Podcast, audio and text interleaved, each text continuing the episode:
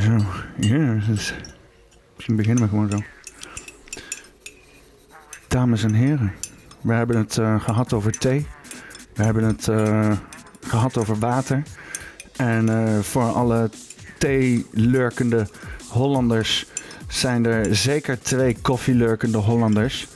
Dus ja, na ja, lekker te hebben genoten van eh, Karel Thieme van Aquapiek en eh, zijn inzichting over thee, gaan we nu verder in de wereld van koffie.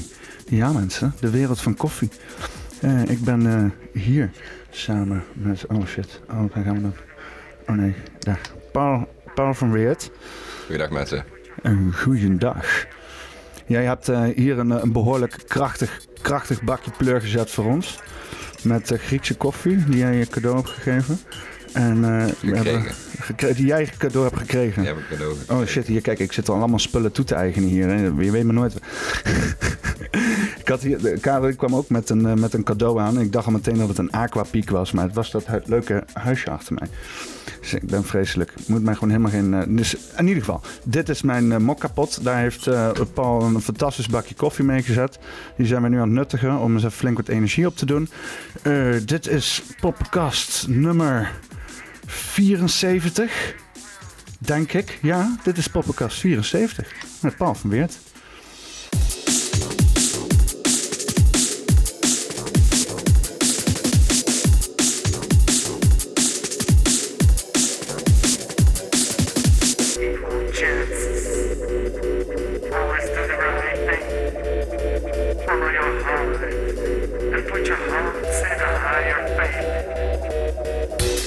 Peter, goedemiddag. Nogmaals, bedankt dat ik hier mag zijn. Oh man, dit is, samen dit is, dit is zeer goede koffie. Dit. Dit is het eh, sap van Satan, zullen we maar zeggen. Het sap van Satan. Zwart als mijn ziel. Oh, dat is, eh, dat is duister is dat.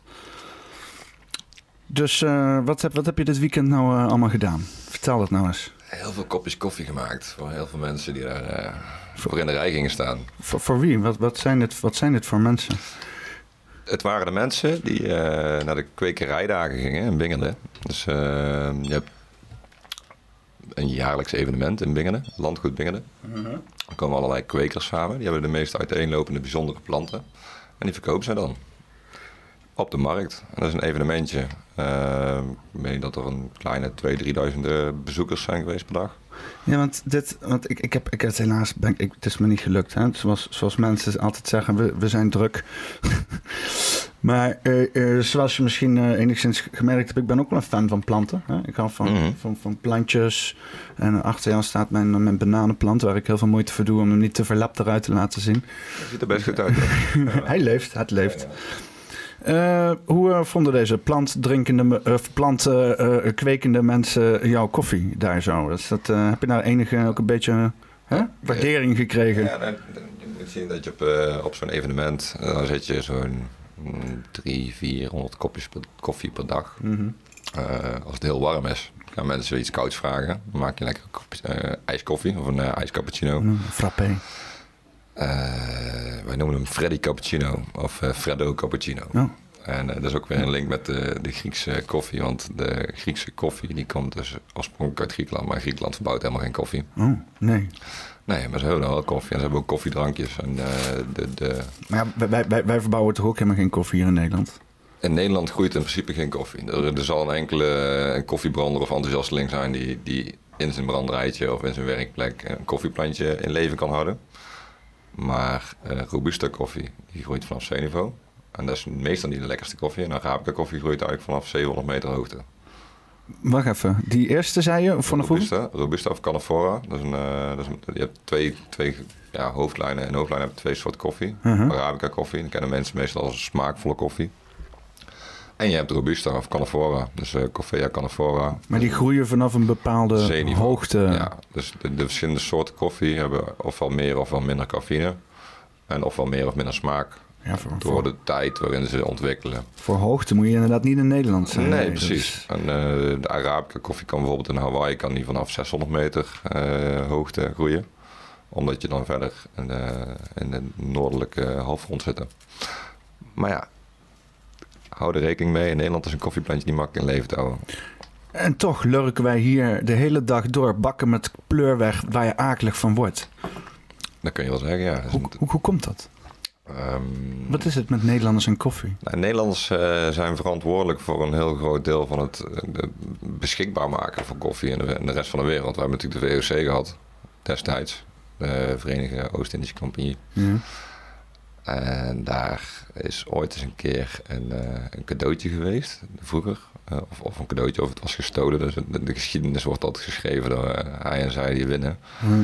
History, zoals Stef het al eens genoemd zou hebben. Maar ja, de koffieplantjes hebben zijn leven kunnen houden.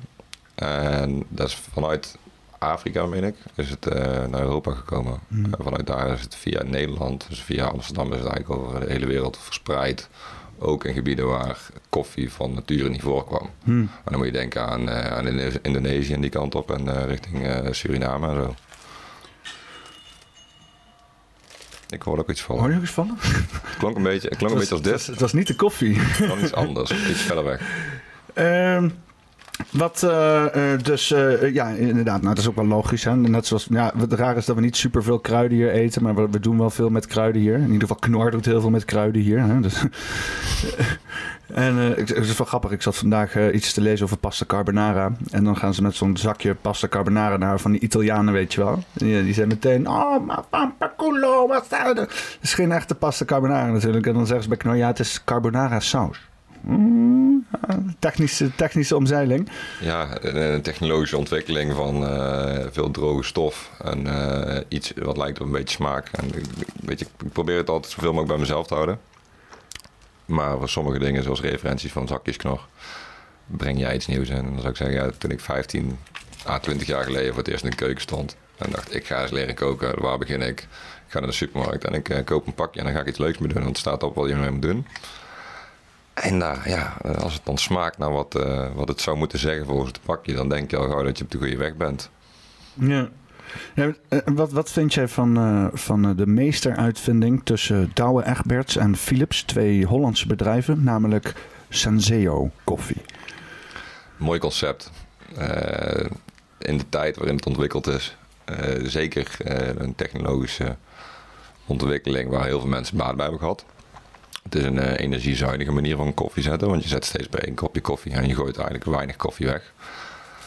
Eh, voor zover Dan, dan is dat we daar zijn geweest, dan, houdt het mij wel een beetje op wat betreft zo'n koffie. Nou, wat dus blijkt, eh, is dat eh, Senseo koffie dus helemaal, ja, misschien zuinig voor de koffie is, maar helemaal niet zuinig voor, is niet duurzaam. Het is niet zuinig voor de planeet.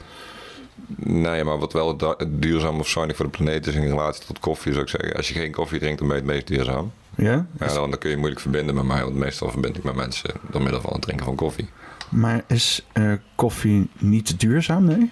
Nee, het moet heel de wereld rondgelogen worden of ge- ge- gevaren worden om, eh, voor, voor een hele kleine vergoeding. Zeker voor de mensen die het plukken. Ja.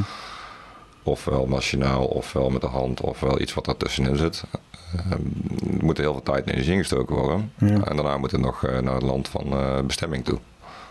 Want de meeste koffie wordt niet gedronken in de landen waar het geproduceerd wordt. Nee, hè? Dat, is, dat is inderdaad eh, een dingetje. eh, waarbij je dus inderdaad, was volgens mij ook van Keuringsdienst van Waarde. Eh, en dan gaan ze dus inderdaad naar, eh naar whatever, Oeganda of zo. Of in ieder geval, ja, Rwanda. dat, dat, dat is wat hè, Dus, volgens mij was het niet, het was een van de andere landen. En dan gaan ze naar de bevolking toe, die allemaal werken in die koffieplantages. en die zeggen: Ik kan nooit, ik kan er nooit in mijn leven een bakje koffie op. Nee. En eh, meer specifiek in het geval van Rwanda, waar ik dan meer ervaring mee heb. Eh, kijk, de Duitsers en de Belgen en de Nederlanders en de Engelsen en de Fransen. En dan, dan eh, de Portugezen en de Spanjaarden maar even niet uitsluiten. Er waren nogal grote mogelijkheden die de wereld gingen koloniseren. En ja, om dat vol te houden heb je lekkere koffie nodig, zou je kunnen zeggen. Hmm. Maar die koffie die moest eerst nog heel de wereld rond. En eh, als je dan kijkt naar ongeveer een eeuw of anderhalve eeuw geleden, dan, eh, dan zie je dat dus via bepaalde missies of missionarissen, al niet onder de mom van de kerk of eh, onder de vlag van de kerk of onder de vlag van een bepaalde missie van een land, gaan ze dus koffie verbouwen in een land waar het normaal gezien niet voorkomt. Ja.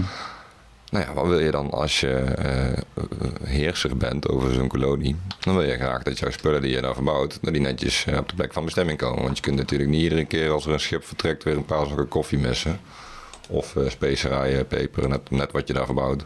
En in het geval van koffie betekent het dus dat je eh, als bijproduct de koppie luwak krijgt.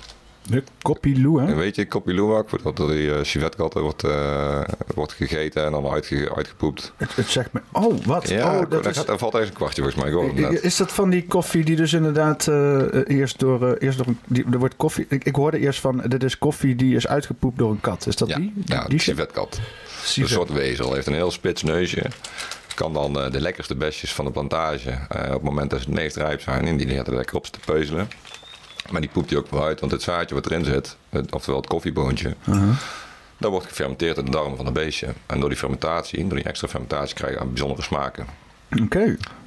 Maar eh, het was een afvalproduct, want in het algemeen gaan mensen niet in de poep van dieren zitten. Goed om te kijken of er een koffieboontje in zit. Nee, ja, het, het, het, het, is ook niet echt dat je bedenkt eh, dat je... Het, is ook niet, klinkt niet per se heel aantrekkelijk, zeg maar. Nee, voor mij ook niet. Ook niet vanwege andere aspecten die eh, misschien later naar voren komen. Maar de, de, de introductie van dit stukje over koloniale verleden en de koffie. Kijk, in Rwanda waren het dus de Duitsers die daar koffie naartoe brachten. En de Belgen die ook een tijd die kolonie hebben overheerst. Of, of geleid of geregeerd, hoe je het wil zien. Maar mensen die daar werken, die eh, zouden dat natuurlijk ook wel willen gebruiken. Want het groeit daar bij hun in het land of op hun land. En dan moeten ze dan maar iets mee zien te doen. Ja. Maar ja, wil jij dat die mensen het niet gebruiken of, eh, of, of van je stelen, dan ga je ze gewoon vertellen dat het vergif is. dus de gemiddelde Rwandees van mijn leeftijd, eh, die ik in het echte leven ben tegengekomen, die wil graag koffie drinken of wil graag de, de verspreiding van eh koffiecultuur in het eigen land eh, uitbreiden. Maar ga je naar een generatie die 20, 30 jaar ouder is, die zal zeggen: nee, nee, ik drink geen koffie, ik houd al bij thee. Want van een historisch perspectief is het gewoon vergif. Ik kwam vandaag ook eh, tegen... eh, ja, cafeïne heb je het dan denk ik over, hè? Of... eh, Nou ja, kijk, eh, cafeïne is in principe een vergif. De bedoeling van cafeïne is dat eh, de dieren, of de insecten die dus zo'n beetje proberen op te eten, dat die dus eh, het vergif cafeïne in hun systeem krijgen. En de meeste diertjes, oftewel insecten, oftewel eh, kleinere dieren, die, eh, die gaan er niet zo lekker op. ja, want ik... Dat is wel interessant, ja. Ik ben heel erg benieuwd naar... je hebt daar een plaatje erbij gepakt. Ehm, Even kijken. Ik moet hem, Zo. Ehm, ja, dit, dit kwam dus tegen op Telegram vandaag. En ja, we zien hier dus eh, een spin. Die dus inderdaad... eh, NASA heeft dit gedaan, zeggen ze op Telegram. Dus ik heb echt nul verdere research gedaan. Maar in ieder geval, eh, die hebben een, een, een, een, een, studie gedaan... waarbij ze dus een spin een substantie hebben gegeven... en hem vervolgens een web hebben laten spinnen. Of nou ja, die spin die probeert een, die gaat toch wel webben spinnen... en hij deed zijn best. Hij ziet linksbovenin LSD. voornamelijk alleen maar spijlen gemaakt, maar geen structuur ertussenin. Op speed kwam die tot drie kwart of iets minder dan kwart. Voor de rest wel een beetje slordig in elkaar gebounced.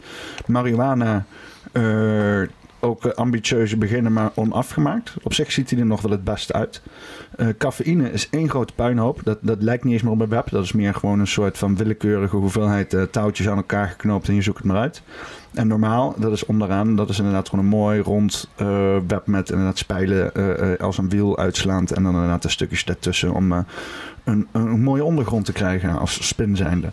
Ja, wat, wat, wat, wat, wat, denk je dan als je dit ziet? Denk je dan van, zo voel ik me ook als ik cafeïne op heb? Nou ja, kijk, eh, er, gaan, er komen weer meerdere dingen in me op. Eh, de eerste is, eh, wat is de wetenschappelijke waarheid van dit soort plaatjes? Ja. En, dat is, en wat je, zoals je zegt, ik heb er verder weinig research naar gedaan. Ik, heb, dit, ik gaat vandaag, dit gaat vandaag rond. Wat is het vandaag? Maandag. weet je wat voor datum het is vandaag? Maandag. Het is ergens die maandag een week geleden, want dit komt twee- Een- 21? Nee, 20. 20 Ja, juni. 20, is het ja, 20 vandaag, juni is het vandaag. 20 Nou, op juni 20 juni 2020. ging dit plaatje rond op, Tik- op, op TikTok, mij dan op, Op Telegram. Ja. Ja. Ja, ja. Maar ja, het- En iedereen spuurt het dan ook rond. Hè? Dan is dat helemaal het gesprek van de dag zo op Telegram in alle groepen. Dat is best wel grappig eigenlijk. Daar, daar- daar zie ik de humor wel van in, inderdaad. Eh, ik kijk even naar deze kant, want muziek is makkelijker. Maar dit soort plaatjes heb ik vaker gezien. En ik heb ook al eens video's gezien eh, waar dit soort, eh, dit soort dingen naar voren komen. Ehm, het eerste wat ik denk is, eh, nou die mensen die even die spin speed heeft gehad en cafeïne. Dat zijn de spinnen die toch wel heel erg hun best hebben gedaan om zo snel mogelijk af te krijgen. Als het maar op tijd af was, dan was het al goed genoeg. en dan zou je kunnen zeggen dat die, diegene die speed heeft gehad, dat die toch wel nog iets meer zijn best heeft gedaan. Ja. Dat was wel al vrij grondig. En diegene die cafeïne heeft gehad, heeft zoiets van ja, als het maar hangt, dan is het al goed De genoeg. meest efficiënte manier, zeg maar. Ja, en die, die, eh, die spin die marihuana heeft gehad. En ik vraag me echt af wat voor doseringen die beestjes dan krijgen en, eh, en hoe ze dat toedienen. Maar Ja, hoe die, neemt, die heeft er meer een hangmat van gemaakt. Zeg hoe maar. neemt een, spie- een spin speed? Een spin heeft helemaal geen neusgat of zo. Nou ben ik geen bioloog. Dus dan moet je me eventjes... Op- eh, niet op vastspinnen? Nee, moet je me niet op vastspinnen. Ah, we zitten aan de koffie hoor. ja, precies. eh, Het koffie uh, zijn werk te doen. Nee, ehm, voor zover ik het begrijp, hebben de meeste insecten, en, eh, in dit geval dan achtpotig ook, eh, een, een soort holle ruimte. waar een soort capillaire werking in ontstaat. Wat is een Ja, capillaire werking? Eh, ja, de haarvaatjes die we hebben eh, in ons bloed. Oh, ja. Bloedvaten, de haarvaatjes, capillaire werking. eh, bomen, de, de- een boom die neemt water op via capillaire werking. Maar eh, neusharen en zo en eh, pupillen, dat soort ja, longva- in principe long- in alle- longblaasjes of zo, is in dat, alle weefselsoorten zitten, m, voor zover ik het kan inschatten, eh, wel haarvaatjes. Ah, om bloed Ook- eh, van en naar en de vloeistoffen van en naar te vervoeren. maar ook dus in de een handen en zo. eh. Ja, joh, tuurlijk. Als, je, kijk, ik heb hier, als ik naar mijn handen kijk, ik heb aderen. En het eind van een ader is ook weer het begin van een volgende ader. Hmm, Eh, je nieren zitten ook vol met haarvaatjes. haarvaatjes. Haarvaatjes. Dus de, de haarvaten, capillaire werking van haarvaten.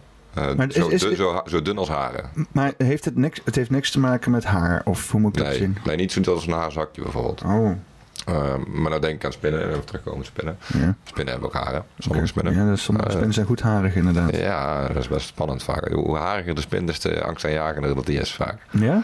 Ja, en ik denk aan een vogelspin. Bij, bij, bij mensen, werkt het bij mensen ook zo?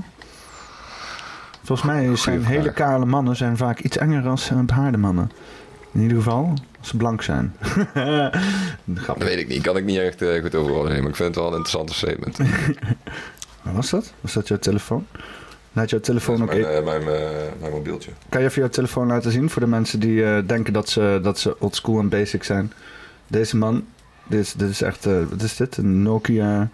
Ja, weet je, ik, of ik, ik heb zoveel smartphones versleten. En ik merkte dat ik op een gegeven moment wel te veel in de, in de rabbit hole raakte. De laatste keer dat wij hier waren, zat ik in mijn telefoon. Volgens mij was het een iPhone. Oh. Schermpje was al kapot. De Ah. batterij, batterij was op een gegeven moment ook al wel... eh, Jij dacht, eh, fuck it, back to the basics. ja, weet je, hoe minder er kapot aan kan gaan, des te makkelijker eh, houdt hij het vol. Ik, ik, ik was met eh Daf P laatst van de week bij, bij Nijverdal. En eh, we gingen even, even een hapje eten en zo. En eh, hij trekt ook... eh, nee, hij had niet eens... Hij had, en elke keer als dus... hij wou een, een, een, QR... Doe, telefoon eens uit, joh. Dit is een opname. Dat is toevallig Stef. Eh, die zit even bij onze golflengte. Ik zal hem eens op stil zetten. De- en P die zei van... oh ja, als je een... stuur even een tikkie naar mevrouw. Dan eh, handelt zij het wel af, weet je wel. Dus hij heeft zeg maar gewoon zijn volledige... Hij heeft geen telefoon of zo bij zich. Of hij raakt hem in ieder geval niet aan. En vervolgens moet je dat... Zijn vrouw die doet alle technologie, zeg maar. En zelf is hij gewoon alleen pen en papier, zeg maar. Zo ben ik ook eh, langzaam maar zeker eh, met eh, digital detoxen, zoals ze dat noemen. En dit afgelopen weekend bijvoorbeeld hadden we een, een app nodig voor pinbetalingen. En dan heb ik mijn telefoon aan, eh, aan een Robert meegegeven. En Robert laat zijn telefoon bij mij en dan kan ik de, ka- de kassa-app gebruiken. En dan kunnen we pinnen. En dan is het na het weekend is het voor mij weer genoeg techno- technologie geweest. En terwijl we aan het werken waren, heb ik er dan ook maar een keer even een eh, fotootje mee gemaakt voor Instagram. En dan heb ik Spotify gebruikt om, eh, om muziek af te spelen via een speakertje dat ik had meegenomen. Om een beetje sfeer te creëren. Maar in principe kan deze telefoon ook alles wat ik ermee wil doen. En alle dingen die ik er niet mee wil doen, die kan ik met mijn laptop doen. En wat mij- betreft houdt het daar eigenlijk op. De telefoons zijn toch wel bedoeld om mee te bellen en mee te communiceren. En als ik de hele dag aan een schermpje gekluisterd zit op dagen dat ik vrij ben, dan heb ik geen tijd voor mezelf. Dan, eh, dan kom ik niet meer tot rust. Dan ben ik de hele dag met die rabbit hole bezig van eh, nieuws en eh, filmpjes en videootjes. En... Ik ben liever met water bezig. Met koffie. Ja, want ik heb hier dus inderdaad Karel Team gehad. Ik zit ondertussen lekker aan Aquapiek promo chocolaatje te eten. En ehm, ehm, ja, hij, hij, zegt dus inderdaad van hij was dus bezig met thee. Hij was een thee sommelier of zo, of thee-expert, weet ik veel. Thee-guru, thee-boeddha, ehm thee-leider, thee-pionier, ik weet het niet. Eh, iets met thee in elk geval. En hij zei van ik loop vast op het feit dat je gewoon geen goed water hebt. Als ik thee eh, thuis zet eh, uit mijn kraanwater, dan smaakt het nergens naar. Terwijl als ik gewoon zuiver bronwater gebruik, dan smaakt het ergens naar. En hij dacht, hoe kan ik mensen thuis zuiver water geven. Hoe belangrijk is zuiver water voor koffie? Ik zou zeggen minstens zo belangrijk. En tegelijkertijd bijna net zo belangrijk. Want ehm naar verhouding gebruik je minder thee. Dus het is bijna net zo belangrijk als koffie. Koffie gebruik je vaak wel meer eh, gemalen koffie. Of eh vers gemalen koffie. Soms Maar- zelfs ongemalen koffie. Ja, want thee heeft natuurlijk ook vaak hele subtiele hinten en tinten en draait, draait ook heel veel om geur. Absoluut. En, En eh, deze, deze, dit, dit wat je nu hebt gezet, dat is, dat is bijna... ehm, dat is bijna teer, zeg maar. Ja, nee, dat klopt. Eh, Kijk, eh, dus zo'n mokkapotje, dat is echt eh, de ideale manier om koffie goed te verkloten als je het verkeerd doet. Ja, want je had wel een techniek inderdaad. Jij koelde hem nog af. Dat doe ik Ja. dus nooit. Nee, Ik laat eh, hem gewoon lekker doorpruttelen, want er staat ook op... dan heb je een lekkere schuimlaag erop. Maar dat is dus helemaal niet de bedoeling. nee die, die schuimlaag, eh, dat, dat, daar staat heel veel op het internet over te lezen. Mijn ervaring is hoe verser de koffie en hoe complexer en beter de koffie van het begin is. Dus eh, op een plantage heb je koffieboontjes, die groeien in een besje. Dat besje zit aan een plant en die plant die staat in de grond. En hoe hoger die plant groeit op een voedingsrijke bodem, des te meer voedingsstoffen kan die opnemen. Ja. En hoe hoger het is, des te kouder is het vaak. Dus als het kouder is, dan doet die plant er langer over om, eh, om, om eh, te ontwikkelen. En doen die besjes er langer over om, eh, om, om daadwerkelijk een besje te worden. Maar is, is het in Nederland dan niet koud genoeg? Of, eh, Nee, in Nederland is het juist te koud en te laag. eh, Oh, het moet weer dat- net- het mag ook niet te nee, koud zijn, Nee, je, moet, je moet zeg maar, kijk, eh, koffieplanten die groeien het best op plekken waar het tussen de 15 en 25 graden is. Het hele jaar door. Ah. Graden Celsius. En de Arabica plant die groeit dan vanaf 700 meter en hoger. gemiddeld gezien. Op sommige plekken kan die dus iets lager ook al beginnen met groeien. Maar het heeft vaak te maken met vulkanische grond. Vulkanische grond is rijk aan bepaalde mineralen. Soms eh, of vaak ook arm aan organische stof. Want mineralen en organische stof zijn niet direct eh, aan elkaar verbonden dat daar voldoende van aanwezig is in de grond. Ehm, ga je verder de hoogte in, verandert het zuurstofgehalte in de lucht ook. Ja. En zo zijn er nog heel veel andere eh, invloeden, zoals schaduw en zonlicht, direct zonlicht, voldoende microklimaat, voldoende vocht in de lucht, voldoende schoon water. Schoon water is dus ook belangrijk voor koffieplanten. En je wil graag dat er wat bodem, eh, bodemleven is. ja. Nou had jij bijvoorbeeld een bananenplant, die wil je graag goed in leven houden.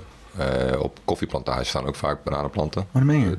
Dan wel als schaduwplant, dan wel omdat de boeren daar nou eenmaal ook koffieplanten en bananenplanten bij elkaar in de buurt hebben staan. En dan zie je vaak dit soort bladeren. Ik weet niet of jullie dat zien. Ja, dit soort, zo- zo'n blaadje.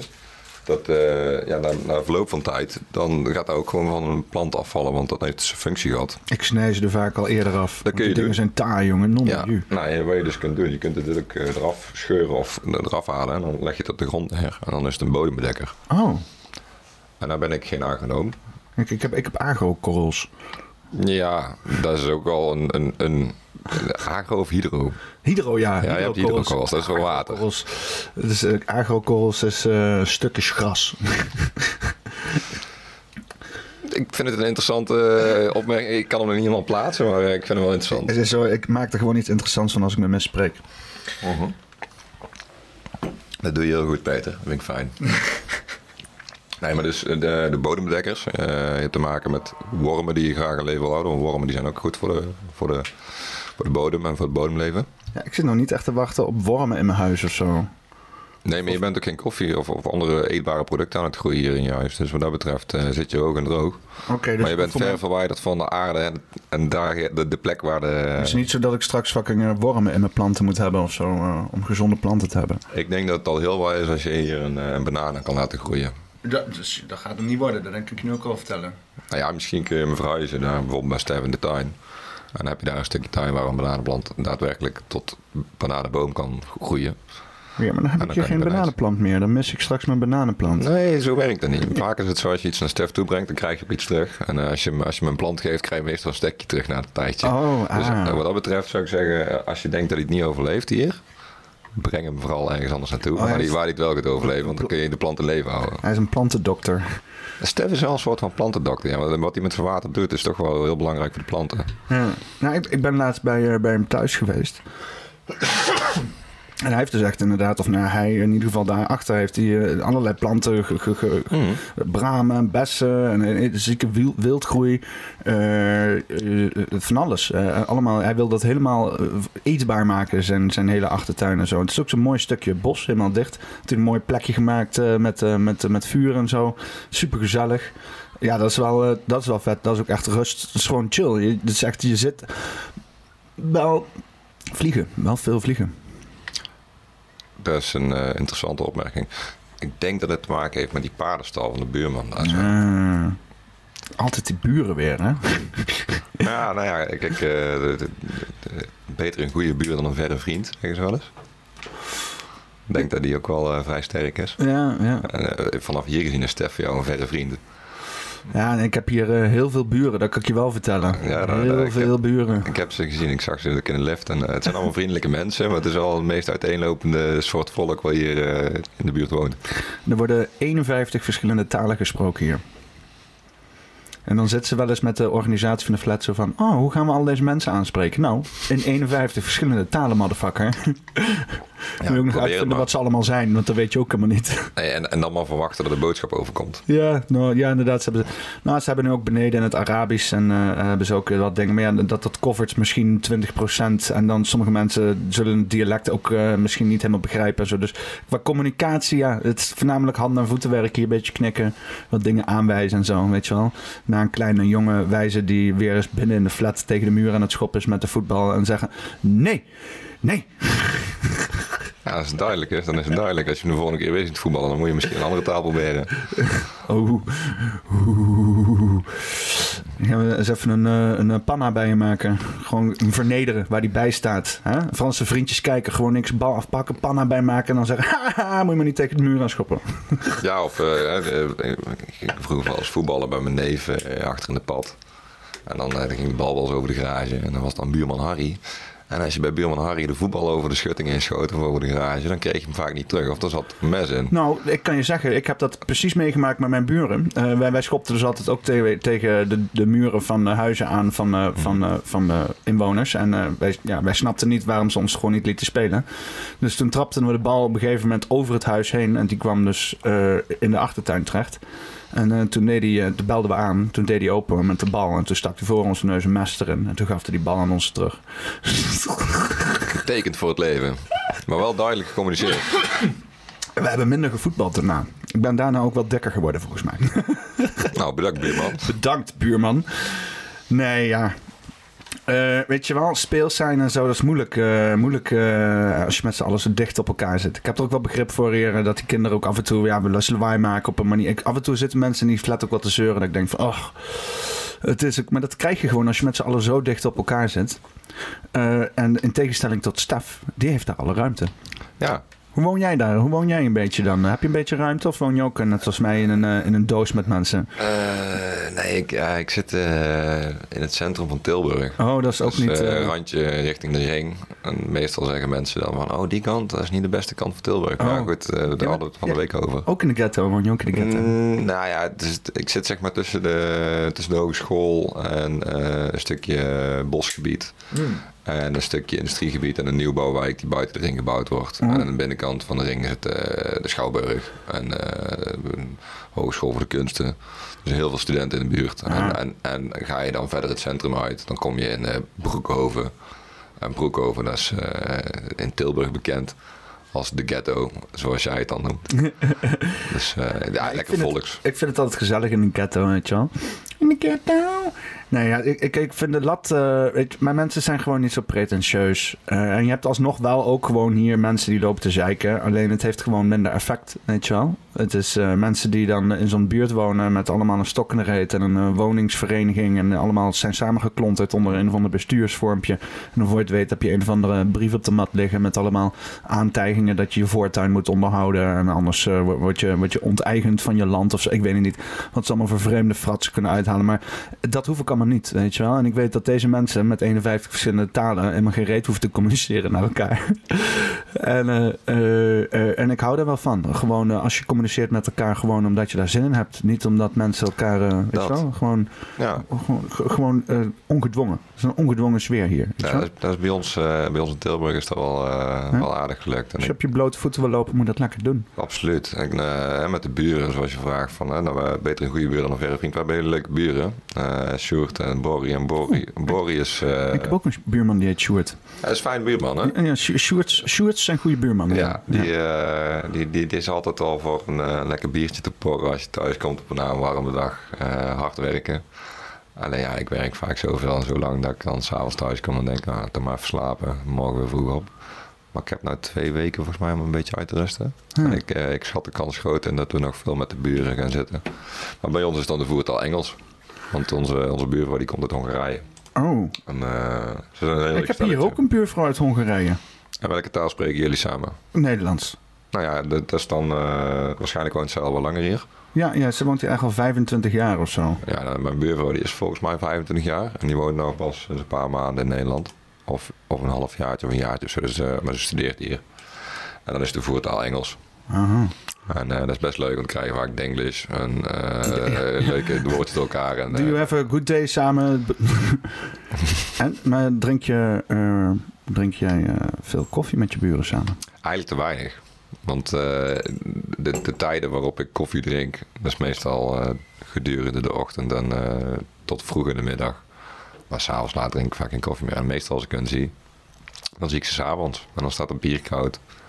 Of dan gaan we gewoon even rustig zitten en dan eh, pakken we iets anders te drinken. Ja, ik, eh, wij hebben dus inderdaad, eh, we openen dit gesprek met de koffie die jij had gezet. Ik heb dat proces heel even gefilmd. Voor de mensen die niet weten wat een perculator is, oftewel een mokkapot. Ja, mokkapot. Een percolator is weer net iets anders. Ja? Maar het komt wel aardig in de buurt. Oké, nou mokkapot dan. Dit is een mokkapotje, ja. Het komt er heel langzaam uitgelopen. De koffie die erin is gegaan, die is eigenlijk iets te fijn gemalen. Vette, dikke prut. Met speciaal commentaar van de podcast. Oeh, beetje schuim. Oh, Ja, een beetje schuin. Dat is dan de crema. Waar je het over had. spannend hè? Ja, Het, is het is vaak best spannend. Ik, ik vind het, ik heb, want ik heb deze gekregen voor mijn vriendin, voor mijn verjaardag. En ik, ik heb nog, het is geweldig. Ik heb nog geen enkel, ik heb geen enkel kopje koffie meer met dat, met dat kutapparaat gezet. Ik zit alleen nog maar uit dit ding te, te, te, te lurken. En ik vind het geweldig. En als ik inderdaad, het is altijd espresso, maar ja, net wat je hier zei, eh, dan doe je er een scheutje water bij en dan is het goed. Of je doet er een lekker scheutje melk bij en dan heb je een cappuccino. Het is gewoon, eh, het is beter. Alles beter dan die fucking Nespresso. Nou, ik wil dan op Nespresso niet zoveel afgeven. Nee? Nee, gewoon puur omdat ik daar vandaan wil blijven. Oh. Maar, eh, ik zag van de week een, een Nespresso reclame. En toen dacht ik, ja, wat else? Ja, alles, alles behalve Nespresso. Maar eh, voor heel veel mensen is het gewoon de perfecte manier.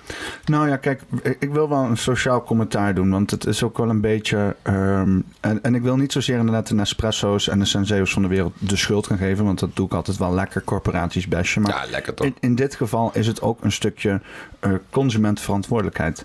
En ook een stukje, ja, je wordt natuurlijk ook wel heel erg verkocht in die shit hoor. Want het is een speciale marketingtechniek, namelijk long-tail marketing. En dat is een goedkope initiële aankoop met vervolgens een hele dure service. Zoiets zie je ook bijvoorbeeld met printers en cartridges. Je printer kost 120 euro, maar vervolgens je vier cartridges hebt gehaald, erbij alweer meer geld kwijt als het originele bedrag voor de printer. Zo zit het ook met de Senseo's en de Nespresso's en weet ik veel wat voor knock-offs ze allemaal niet hebben. Met eh, eh, capsules of pads of weet ik veel wat voor een koffie gebundeld in één klein pakketje. Eh, ehm, eh, je zit vast in een long-tail marketing. Dus je kan inderdaad apparaat kopen en denken, oh, is maar 80 euro, oh, dat is ideaal. Nee, je betaalt je helemaal schil aan de eh, capsules of de pads. En nummer twee, je bespaart je inderdaad wat tijd. Maar alleen als je inderdaad een één kopje koffie zet voor jezelf. Want als je tien kopjes koffie moet zetten, dan word je helemaal niet goed van, van zo'n single cup koffie Nee. apparaat. Moet ik heel eerlijk zeggen, deze percolator maakt het ook niet super makkelijk. Maar ik kan er gewoon vier bakken in één keer mee zetten. Absoluut. Eh, ehm, ehm, en wat ik wil maken, want hè, we moeten toch duurzaam zijn voor deze planeet. De hoeveelheid verpakkingsmateriaal die nodig is voor koffiepads en vooral voor die capsules zijn monstronemeus. passende, passende woordkeuze, Peter. Ja, kijk, eh, als het bij mij om koffie gaat, dan heb ik zoiets van zoveel mogelijk duurzame verpakking, zo min mogelijk plastic, dus we gaan in blik. Ja, je moet eigenlijk die ton van jou laten zien. Kan, kan je die ton van jou erbij pakken? Eh, ja, dat zou wel kunnen. Dat is wel, dat is wel geniale shit.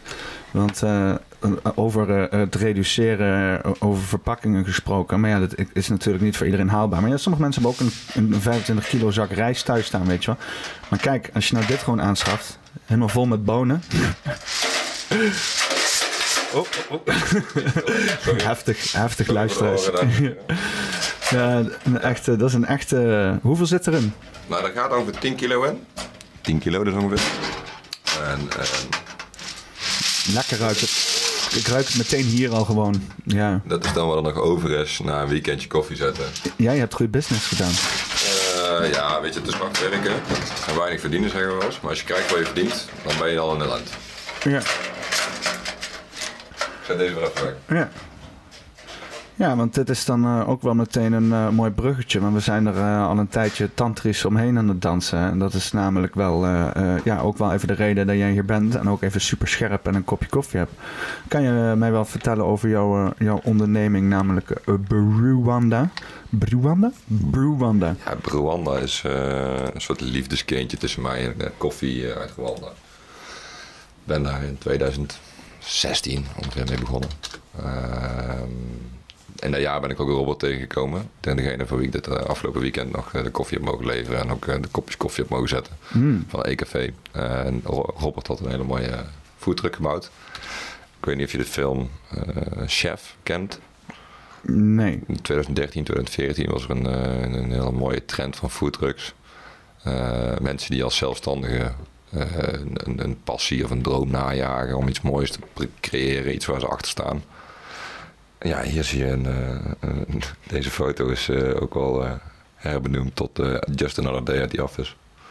We hebben hier wat, wat beelden van projecten waar ik aan gewerkt heb.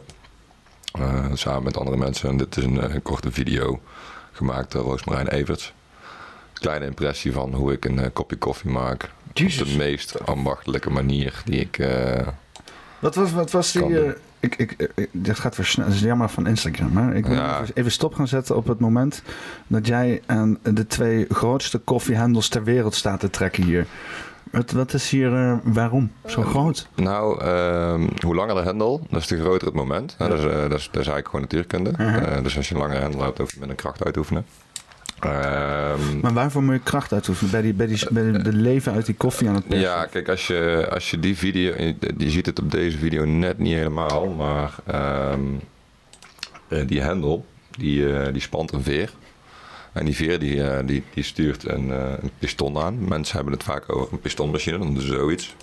Maar daar bedoelen ze eigenlijk een filterdrager mee. Eh, zijn- Eh, een espresso machine heeft eh, verschillende vormen. heet dat piston? Ja, je hebt, je hebt de volautomaat, mensen die op knopjes drukken. En in, die zin is een, een espresso of een senseerapparaatje is eigenlijk gewoon een hele kleine volautomaat. Maar jij zei piston. Ja, piston, is- dus je hebt komt dat van- semi, komt dat- semi-automaat. Komt dat van het woord piston? ja, Van, piston. van, wat is dat ook alweer? Een zuiger. zuiger inderdaad, ja. Bij eh, verbrandingsmotoren heb je het over zuigers en cilinders. Een cilinderinhoud. Is dat jouw vriendin? Nee, dit is mijn piston. Een uh, man piston.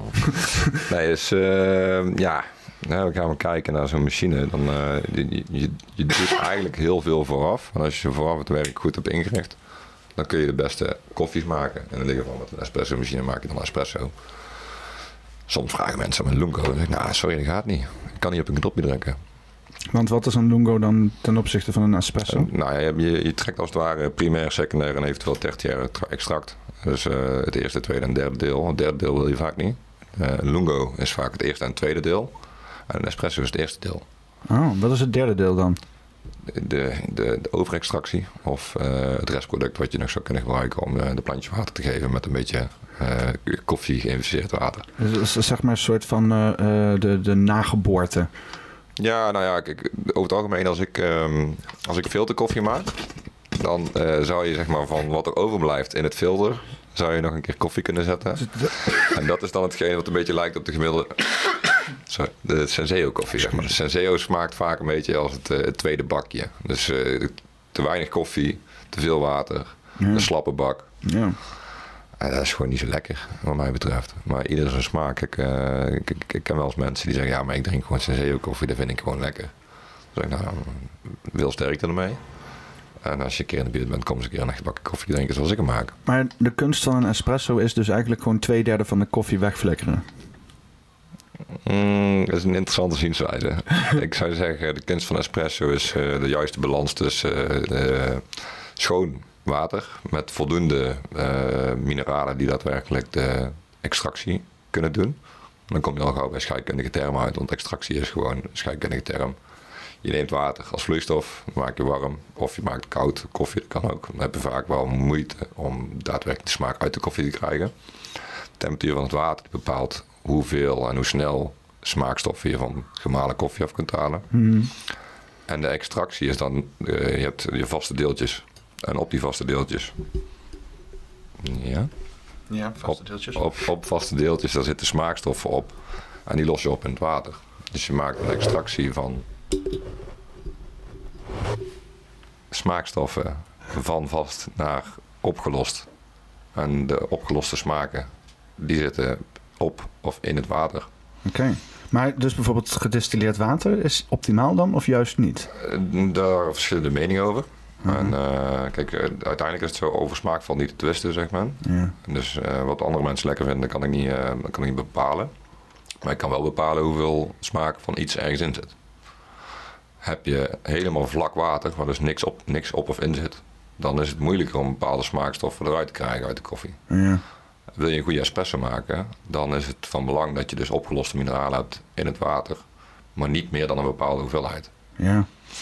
Eh, heel schoon water kan ook een beetje agressief zijn voor machines. Dus eh, stel je voor, je hebt een espresso machine met allerlei toeters en bellen en knopjes en, eh, en, en spruitstukjes en hele fijne nozzels, zoals ze dat noemen. Ja. Nou, dan kun je dus corrosie krijgen van je rubbertjes als je te agressief water hebt. En dan zie ik jou knipperen en dan denk ik, ja, ik ga te diep. Nee, nee, nee, ik ga te helemaal snel te niet. diep, maar misschien moet je even nadenken. Ik zit me ook heel Ja. erg een beetje, een beetje dingen tegelijk te doen. Maar eh, eh, te schoon water geeft corrosie. Dus gaat, gaat je metaal Ja. van roesten. Ja, kijk, eh, je, je verwacht een beetje, want dat doen ze, heb ik dus gehoord van Karel, dat ze dus inderdaad eh, eh, kalk in het water extra toevoegen om dus inderdaad de leidingen dicht te laten, of de- eigenlijk een soort van te coaten met een bepaald materiaal, wat dus Ja. inderdaad corrosie voorkomt. Kijk, ik heb, ik heb gisteravond even te kijken naar die podcast die je met Karel hebt opgenomen. En eh, ik vond het heel mooi en tekenend dat hij vertelde over dat zijn vrouw thee aan het serveren was, waar hij helemaal houten de boter van was. En zij als nuchtere zeeuw zei van, ja, ik weet niet, ik weet niet precies wat je bedoelt. Eh. Waar heb je het nou eigenlijk over? En dat heb ik ook wel eens gehad met mensen. Van, ja, sorry, is niet mijn ding. Eh, Ik wil liever een beetje pittigere koffie. Nou ja, pittig en koffie, dat zijn twee dingen die, dat zijn, zijn termen. Hè? Dus, eh, je kunt het over koffie hebben als koffieboontjes, koffieplanten, eh, gezette koffie. Maar pittig, ja, een- pittig smaakje, eh, spicy, kruidig, dat, dat kan in koffie zitten. Ja. Maar dan moet je het er wel uit zien te halen. Dan moet je het ook nog eens zo kunnen maken dat je het kunt serveren aan iemand. En eh, de, de grap van gisteren was dat mijn vriendin dan koffie komt drinken en die komt een video maken. Eh, misschien hebben we later in deze pop- podcast ook nog wat, eh, wat materiaal te laten zien. En zij zegt, ja, het smaakt naar laurier. Ah. En laurier is, is een beetje kruidig, vol, mondgevoel wat je zegt van, hé, heeft iets weg van drop. En de meeste mensen verwachten geen dropsmaak in koffie. Nee. Nee. Maar het kan ook heel fruitig en heel sappig zijn, en veel zoet. Nou, alhoewel een beetje dropsmaak is, want je hebt natuurlijk in koffie allerlei aardse smaken. En drop is toch ook wel in die, in die categorie aards, zeg maar. Absoluut. Ja. En eh, kijk, ga je kijken naar samenstellingen en, en analyses van verschillende eh, smaakpaletten, dan kun je daar allerlei dingen in terugvinden. Mhm. Waaronder dus ook drop en lauriersmaak. En dan kun je dus die stofjes ook terugvinden Ja. in de koffie. Ja, maar- dus die, die stofjes die dus inderdaad die smaken activeren, die vind je dan ook in die koffie. Dus die zijn helemaal niet zozeer gebonden aan desbetreffende lau- laurier of kruid of whatever. Nee, nee, nee, zeker niet. Je hoeft, je hoeft geen kruiden toe te voegen aan koffie om de smaak van het kruid of van de, van, eh, bijvoorbeeld mango. Ik zeg maar iets, de smaak mango. Eh, voor zover wij als mensen kunnen waarnemen wat de smaak mango is, eh, kun je dus een, een samenstelling maken van eh, vijf of zes verschillende stofjes, opgelost in water, die dan de smaak van mango geven. En, en, die, en die stofjes hebben dan helemaal niks te maken met mango zelf. Over het algemeen worden die stoffen gemaakt uit andere beginproducten. Ja. En dan moet je denken aan olie. Oh, Of als je dus zuivere koffie wil, in, in, in de termen van smaakstoffen, je kunt ook etherische olie eh, extraheren uit, eh, bijvoorbeeld eh, als je dus, dus de geur van lavendel wil, die, die potjes olie, etherische olie, misschien je ze, dan ga je dus lavendelplanten extraheren door het destillatieproces toe te passen. ja. En dan krijg je een heel complex smaakpalet of geurenpalet, wat je dus in een olietje hebt. En dat is de essentiële olie, of de etherische olie uit een plant. ja. In meer of mindere mate doe je dat ook met koffie. Maar dan heb je in plaats van de plant neem je het zaadje. En zou je de blaadjes nemen, dan krijg je cascara. Cascara is een, eh, is een thee gemaakt van koffie. eh sorry, niet, niet de blaadjes, de, de, de, de schil van de bes. Een, zijn nou een thee gemaakt van koffie? Ja. Je kunt eh, een soort thee maken. De, de, de term thee in Nederland. je bent er met, met Karel in gesprek geweest. Karel heeft het over daadwerkelijk theesoorten, dus de theeplant. Ja. En daar allerlei variaties op. Eh, je hebt de theeplant en je hebt de koffieplant. Eh, je hebt ook andere planten die, eh, guarana bijvoorbeeld en ma- mate. Dat zijn in Zuid-Amerika meer gedronken theesoorten die ook cafeïne of theïne bevatten. Of guarana, zoals ze het daar dan noemen. Ehm, je bent ondertussen een videootje erbij aan het zoeken, zie ik. Nou, niet per se. Nee, maar de- als je kijkt naar de, de thee gemaakt van de schilletjes van de koffiebessen, dan, eh, dan, dan kijk je daadwerkelijk naar. Je begint met een beginproduct, de koffiebes. Mhm. Die wordt eh, verzameld, eh, door elkaar gesneden. Zeg maar. Er zitten vaak twee zaadjes in één besje. Die wordt gesneden. En daar komt het zaadje uit. Dan hou je vruchtvlees en pulp hou je over Ja. dat zou als afvalproduct behandeld kunnen worden. Maar je kunt het ook als tussenproduct nemen en dan kun je dat gaan drogen en dan kun je daar weer thee van maken. Maar dat meen je niet. Ja, en de, Maar, hoe de smaakt, term- maar is het dan... Is het dan gewoon slappe koffie? Of hoe moet Nee, dat nee, nee, nee. Het is echt eh, het, is het vruchtje. We, toen we in de keuken stonden we daar straks, toen, we, Ja. toen we deze koffie aan het zetten waren, pakte je ook een paar zakjes thee erbij. Naar aanleiding van eh, de referentie naar Karel.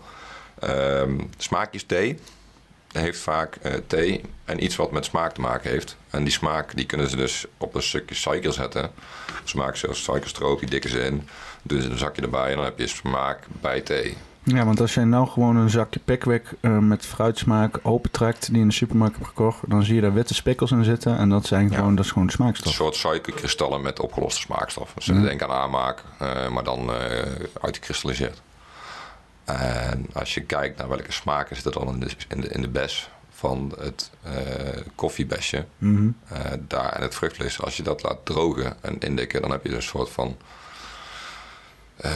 ja, s- schilfertjes zou je kunnen noemen. Ja. Dus eh, eh, je hebt thee, thee kun je als blaadje plukken. En dan heb je daarna de gemalen thee in koffiezakjes. Een soort van afvalproduct, ook een soort afvalproduct, maar dan een tussenproduct. En dan wordt het in zakjes gedaan. Dat is heel makkelijk.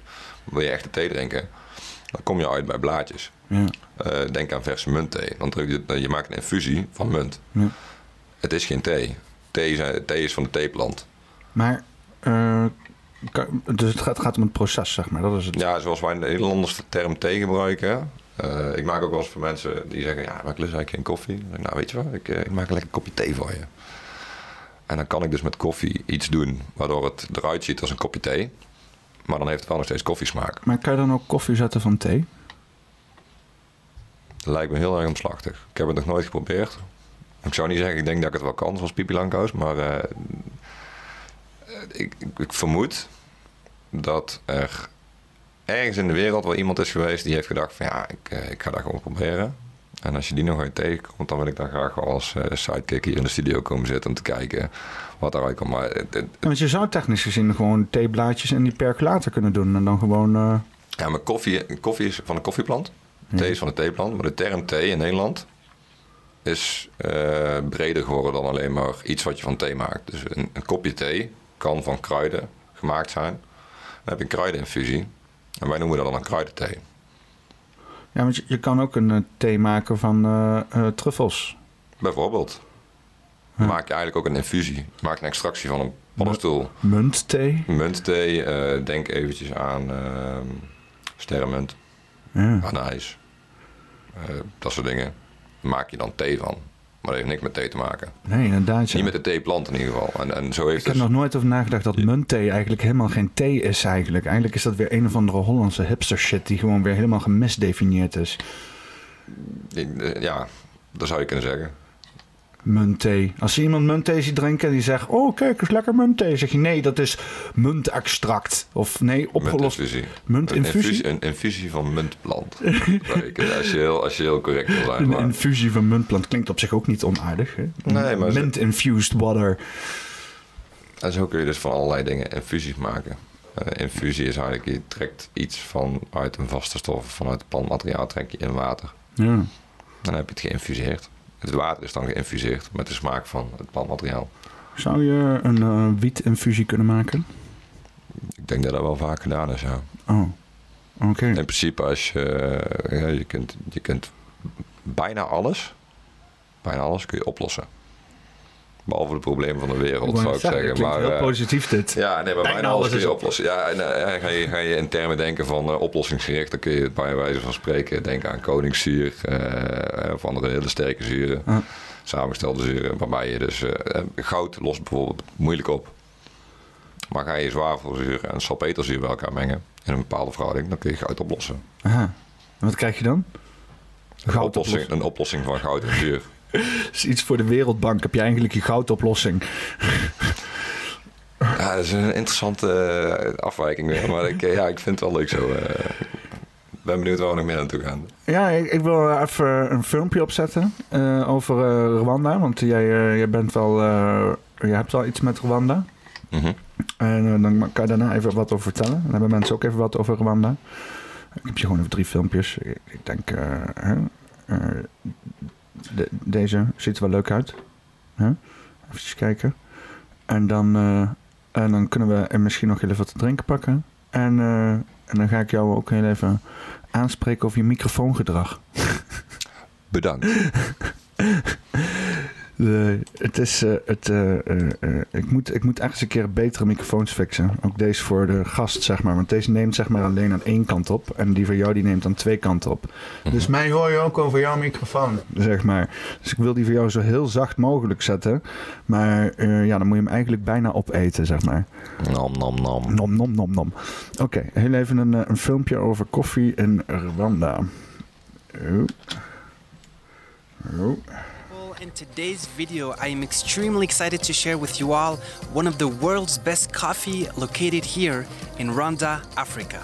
This morning, I had the opportunity to visit and learn with the special guide Eric, full of knowledge and expertise in this field. To be honest, I love coffee and drink one two cups a day. Yet, I don't really know how it's made and where exactly it all started. So, this video will give you full details on one of the most delicious coffee beans in the world. Rwandan coffee has both a colorful history and an exciting taste. Here are some of the highlights of the Rwandan coffee experience. The first coffee plants were brought to Rwanda by German missionaries in the early 1990s but it took three decades before the coffee production took off. Most of the plantations in the country are fairly high and are usually situated somewhere between 4,000 and 6,500 feet above sea level. After having the chance to visit this amazing coffee plantation, I value more the price of coffee, as it's very long process to create the final product. Eric, our talented tour guide, will take us through all the steps of their coffee processing units. I've always been passionate to learn new things during my travels around the world, but this traditional way of making coffee is truly unique. Eric talks about many interesting things while touring you around the plantation, such as varieties in period, different regions in soil, harvesting, fertilizing, the beginnings of coffee. But in this video, I wanted to share with you all the amazing traditional way they make coffee, like the old days. Has for me, this experience is one of the most unique I've ever did. Oya Mountain Coffee, where I'm currently enjoying this journey, has won several times the Cup of Excellence event in Africa. The quality of their coffee beans is so special that I cannot express any words. Back in Switzerland or other countries, I often add some milk or a little bit of sugar, but here it's so tasty that you'll have to try it pure. Think now. Are we gonna make coffee like this? Yes. Now we are going to roast the coffee by using traditional way. As you see, we have a clay pot. The purpose of this is to to keep our culture.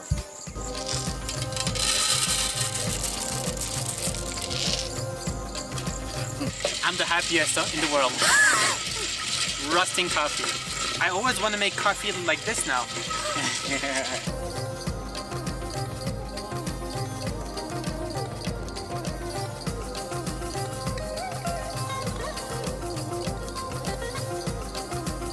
So Eric just shared that once the smoke is coming, like in about one minute, it's soon ready. He's gonna share the next process with us. It was like starting like green after like a little bit brownish. Now they're really like brown black a little bit.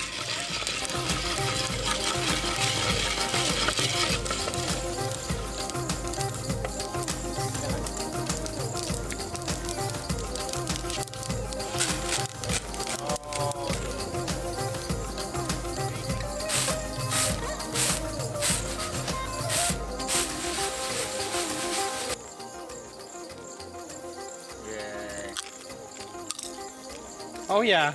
Good. Oh yeah. Let's go. That's the first time I try it like that, like raw. Uh-huh. Mm. now we are going to grind.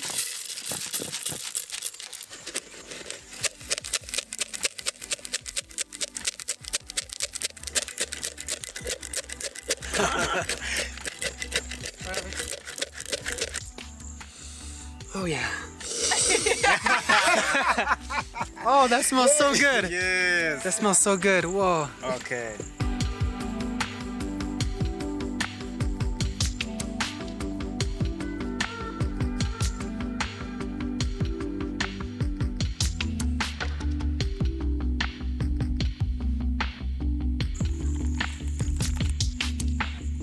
Do you like it? For life.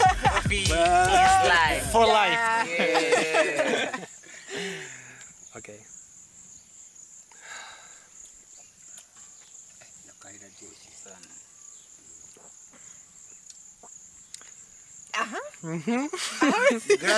I, I have no words. I have no words really. Yeah. It is. It, it is really different from the machine. Maar deze mensen drinken dus wel hun, eh, hun eigen koffie, eh, op zijn minst.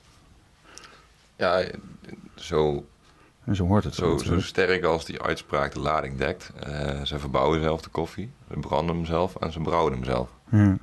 Eh, zoals mijn bedrijf dan Rwanda heet, eh, het brouwen van. En dan wat nog meer, zeg maar. En Breda en Rwanda. Ehm, ja, je, je brouwt koffie en in principe wil je zo'n vers mogelijk product. Want het is een natuurlijk product. Ja. En te vers kan ook. Eh, we hebben net een pakje koffie opengemaakt. Dan is die vers uit het pakje. Ja. Wanneer die koffie precies gebrand is, dat weet ik niet. Ik heb het gewoon als cadeautje gekregen en ik heb het hiermee naartoe genomen, zodat we koffie konden drinken, want je hebt geen molen. Eh, normaal heb ik vaak een molentje bij me. Ja. Dat heb ik dit weekend niet gedaan, want we waren met de foodtruck weg, waar een molen bij de foodtruck zit. Is, er- is het nog verschil dat je het met de hand maalt of dat je het eh, met zo'n gewoon een of ander elektrisch ding hebt? Of Er zit zeker verschil in. Ja. Eh, als je meer, eh, op meer elementair niveau gaat kijken, dan zou je kunnen zeggen, nou, de trillingen van de molen, die komen ook in de koffie. Ja. Daar, daar kun je iets van vinden. Ah. ik blijf daar een beetje vandaan, maar als je met de hand maalt, ben je vaak een eeuwigheid bezig. Nou, ik wil het wel eh, interdimensionaal trekken zelf. En eh, dat de energetische, multidimensionale lading van alle kwantumdeeltjes in die koffie, die representeren in de multidimensionale wereld en alles kunnen zijn, kan jij deze koffie manifesteren met jouw multidimensionale kracht. Wat makkelijker is als jij zoveel mogelijk in contact bent met dat fysieke object. En zo ook op spiritueel vlak in contact komt met de boon. En dus de universum, hè, de realiteit, kan waarmaken waarin die boon tot zijn beste recht komt. Hè? Want er zijn, als je een bakje koffie zet, zet jij oneindig veel bakjes koffie. Eh, bakjes koffie van het smerigste bakje koffie tot het lekkerste bakje koffie. Het bakje koffie waar je gewoon kapot van neervalt en het bakje koffie waar je je beste zelf van wordt. Al die bakjes koffie zijn mogelijk om te maken, maar dan moet je wel zelf op zoek gaan naar die realiteit. Ja. Dat is het interdimensionale vlak in mijn optiek. Ja, ik, ik doe met vaak een, eh, een kopje geluk. Ah. Ik, eh, ik serveer niet, eh, niet zozeer een kopje koffie, maar ik serveer een kopje geluk. Oh. Ik, ik wil mensen graag blij maken met een lekker kopje koffie. Nou is het verschil tussen een lekker kopje koffie en een minder lekker kopje koffie natuurlijk heel relatief. Want de een vindt dit lekker en de ander vindt dat lekker. Wederom over smaak van niet te twisten. Jij Mhm. vond deze koffie heel lekker. Ik vind hem ook lekker. Maar de koffie die ik afgelopen weekend heb kunnen maken, daar kreeg ik van mensen terug. Dit is het lekkerste kopje koffie wat ik ooit heb gedronken. Ja, Je hebt de lekkerste koffie op dit evenement. En dan staan er vier of vijf koffiepunten. En dan denk ik, ja, dat is toch wel een heel mooi compliment. Ja. Het gaat niet aan mij, maar het gaat om de koffie. Ja. Ja, en het is, ook, het is ook een ervaring, want het eten, voedsel en dat soort dingen is ook een soort van marker in tijd voor jezelf. Om terug te gaan naar een bepaald moment, om iets betekenisvol te maken. En eh, eh, ja, en als jij iets, iets tot je neemt waar je gewoon echt, ja, iets wat nieuws is, hè? Het, het kan wel gewoon echt een opening geven. Hè? Ook weer dat je denkt van, oh, oh, ik moet weer wat nieuw, ik moet weer wat vaker nieuwe dingen proberen. Of, hè, dus als je vastzit in een sleur, eh, of inderdaad als je nog nooit koffie hebt gedronken, dat je denkt van, oh, misschien moet ik toch eens een keer koffie gaan drinken. Of dat als je al heel lang koffie drinkt, eh, met een of andere slapbak of senseo-meuk, dat je uiteindelijk uit die roes ge, ge, gewak geschud wordt. En denkt van, wat, wat de fuck zit ik thuis te doen, joh, weet je wel?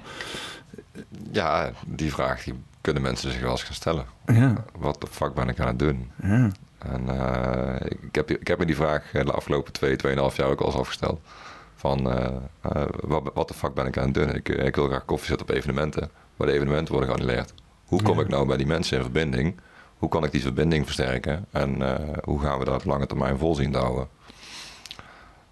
Met de crisis die we hebben gehad, die waar we nog steeds in zitten. Hè, de, nasleep van die crisis is nog steeds dat er logistieke problemen zijn. Eh, er is personeelstekort op, eh, op heel veel eh, branches die, die leeg zijn gelopen omdat mensen iets anders moesten gaan doen. Dat is verdomd lastig. Nou, ik, ik weet hier denk ik wel even een goede oplossing voor iedereen. Want voor win-win situaties moeten we niet bij de politiek zijn. Je even goed luisteren naar mij. Kijk, eh, werkend of nee, eh, werkgevend Nederland. Hè? Als er nu werkgevers aan het kijken zijn, mensen die een eigen bedrijf hebben, die mensen in loondienst hebben. Het is moeilijk. Het is moeilijk om nu je werkgevers, om een aan- aantrekkelijke werkomgeving te creëren. Hè? Voor mensen om bij je bedrijf te werken. Want het is, het is allemaal niet zo makkelijk. Hè? Je wordt inflatie, je hebt niet zoveel geld te spenderen. Er wordt vaak hoge werkdruk verwacht. eh, niet alleen van de bazen en van de bazen en dan daardoor ook van de werknemers. Als jij nou gewoon eh, Paul van Weert koffie laat zetten op jouw bedrijfsfeestje eh, en dan zullen we kijken of je werknemers nog bij een of andere horecabaan of weet ik veel wat van ander gelukszoekend werk ze willen gaan doen vinden. Nee, je moet gewoon zorgen dat als je een bedrijfsfeestje hebt, doe je bedrijfsfeestjes trouwens? Ja, als dat kan wel. Ja. En soms eh, moeten we even kijken of het haalbaar mooi- is. Mooie bedrijven, zoals bijvoorbeeld eh, een, eh, een, een boswachtersvereniging. Nou, dat lijkt me heel erg leuk. Of ja, maar bijvoorbeeld die- plantenfestival, dat is ook weer echt inderdaad, dat is weer geniale shit. Maar ja, weet ik niet, een, een, een, een, een, een, schoonheidsretraite. ja, nou, kijk, er, er zijn heel veel mogelijkheden. En, Bouwvakkers? Absoluut. Ik, eh, er is binnenkort volgens mij weer een bouwbeurs. En, eh in, Ja, ik- de jaarbeurs in Ik, Utrecht. ik, ik zie jou ook wel ergens gewoon op een of andere construction site met je gele helm op en dan gewoon midden in de beton daar gewoon koffie zetten voor fucking bouwvakkers en shit. 100% zeker. Kijk, eh, op, de, op de evenementen waar ik werk, ik zet niet altijd alleen maar koffie. Ik, ik ben ook wel eens bezig met de op- en afbouw van evenementen. Ja. En mijn collega's die kennen mij ook als eh, de jongen van de koffie. En dan, Ja, maar- dan breng ik mijn eigen koffie mee. En dan, eh, zodra ik de molen leeg zie gaan van, het, eh, van, de, van de normale boontjes, dan denk ik, hé, hey, ik zal eens even een lekkere koffieboontje doen. En daar, daar weet ik mijn collega's vaak goed mee te verrassen. ja, want zo heb ik jou leren kennen, al koffiezettend. Ja, Eh, en het was helemaal niet een situatie waar per se koffie gezet moest worden. Maar we waren eh, in Leersum, waar ook de poppenkast camping is, de 23 juli. En eh, ja, had een hele Erlenmeyer situatie met scheikundige gebeuren, Walter White-achtige koffiezetpraktijken gaande. En jij ging eens even, even, even een goede, goede, echt goede bak koffie zetten, zeg maar. En eh, waar niet alleen die, die naar alles behalve koffie smaakte. Naar, noten en bloemen en, en vruchten. En, en ja, de, de drager was misschien koffie, maar dat was veel meer gaande als koffie. Dat is hoe ik jou heb ontmoet. Doe je dat vaker? Zit je de hele dag allerlei Walter White-achtige installaties mee te slepen naar mensen en dan koffie te zetten? Nou, het meest elementaire wat ik mee kan nemen is een koffiemolentje, eh vers gebrande koffie en een filterdragertje. Eh, en dan, dan moet je denken aan een eh, echt zo'n ouderwets dingetje van, eh, waar, waar je een koffiefiltertje in doet. En als je het koffiefiltertje eh, vult met vers gemalen koffie, die ook nog eens vers gebrand is, dan is het vrij makkelijk. Maar die Walter White Coffee Maker, nou dan komt hij wel, de koffiezin, ja. Ehm, dit, Ik ga hem even opzetten en dan gaan we even kijken hoe het met onze koffie gaat. ja, goeie. Ik, ik zal eens even gaan kijken. Maar dit, ja, dit is hoger niveau koffiekunde op een hele cinematografische manier weergegeven. Net zoals er op heel Oh my god.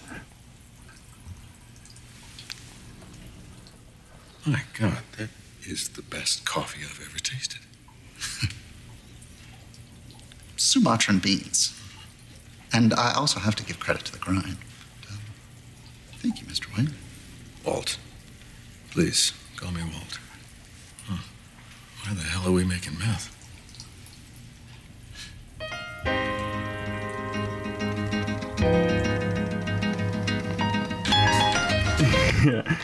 Ja, dat, is, eh, dat zijn mooie dingen inderdaad. Dat is de serieuze installatie. Ja, de wekker gaat nu af, maar hij was nog niet aan het lopen. Ik denk dat hij nog twee, drie minuutjes nodig heeft. Dan noemen we het maar gewoon slow coffee. Ga- gaan, we het, gaan we het op de gok doen? Ah. Ja, ehm, Hij stelde trouwens wel een goede vraag aan het Ja. einde. Eh, oh my god, this is the best coffee I've ever had. Why the hell are you making meth? ja, van, ja, waarom zou je methamfetamine maken als je ook gewoon de lekkerste koffie kan drinken die er bestaat? Ja. En, en ja, dat, dat is ook... eh, kijk, ik heb vroeger in de farmaceutische industrie gewerkt als eh, een kwaliteitsanalist. Om te kijken hoe de kwaliteit van bepaalde middelen is die je netjes als veilig medicinaal product op de markt wil brengen. Daar zit heel veel werk in. En daar wordt ook gruwelijk veel geld aan verdiend. Het is hartstikke belangrijk dat het goed gedaan wordt. Maar dat geldt voor koffie niet minder. En eh, de, de, de minder goede kopje, kopjes koffie zeg maar, die je kunt drinken, daar gaat gewoon minder aandacht naartoe. Die worden bijvoorbeeld machinaal geoogst in plaats van met de hand. Eh, die groeien op grond die eh, mogelijk vervuild is. Als de grond vervuild is, krijg je ook minder schone koffie. Daarom heb je ook certificeringen zoals eh, Rainforest Alliance en Fairtrade en eh, biologische koffie. ja. En de term biologisch is een beschermde term. Die mag je alleen maar gebruiken op het moment dat je dus voldoet aan bepaalde eh, kwaliteitsanalyses. Maar wat, wat betekent biologisch nou eigenlijk? Dat is wel een hele sterke vraag. Ja, in het geval van koffie betekent het dat je geen gebruik maakt van pesticiden. En ehm, dat is ook weer een relatieve term, want je kunt dus gebruik maken van biopesticiden, oftewel biologisch gecertificeerde pesticiden. komt dat uit Nederland? Komt dat uit Nederland? Oh, er zijn zeker Nederlandse bedrijven die, eh, die ook biopesticiden maken. En gelukkig weet ik daar minder van dan ik eh, soms zou willen. Want alles wat je eenmaal weet kun je niet meer ontweten. Nou, zullen we zelf gewoon een definitietje knallen? Heb ik ook al lang niet meer gedaan. Biologisch. Eh, Volgens de natuur tot stand gekomen of geproduceerd. ja, Biologische ouders. het schap met biologische producten in de supermarkt. de voorbeelden van een gebruik, oké.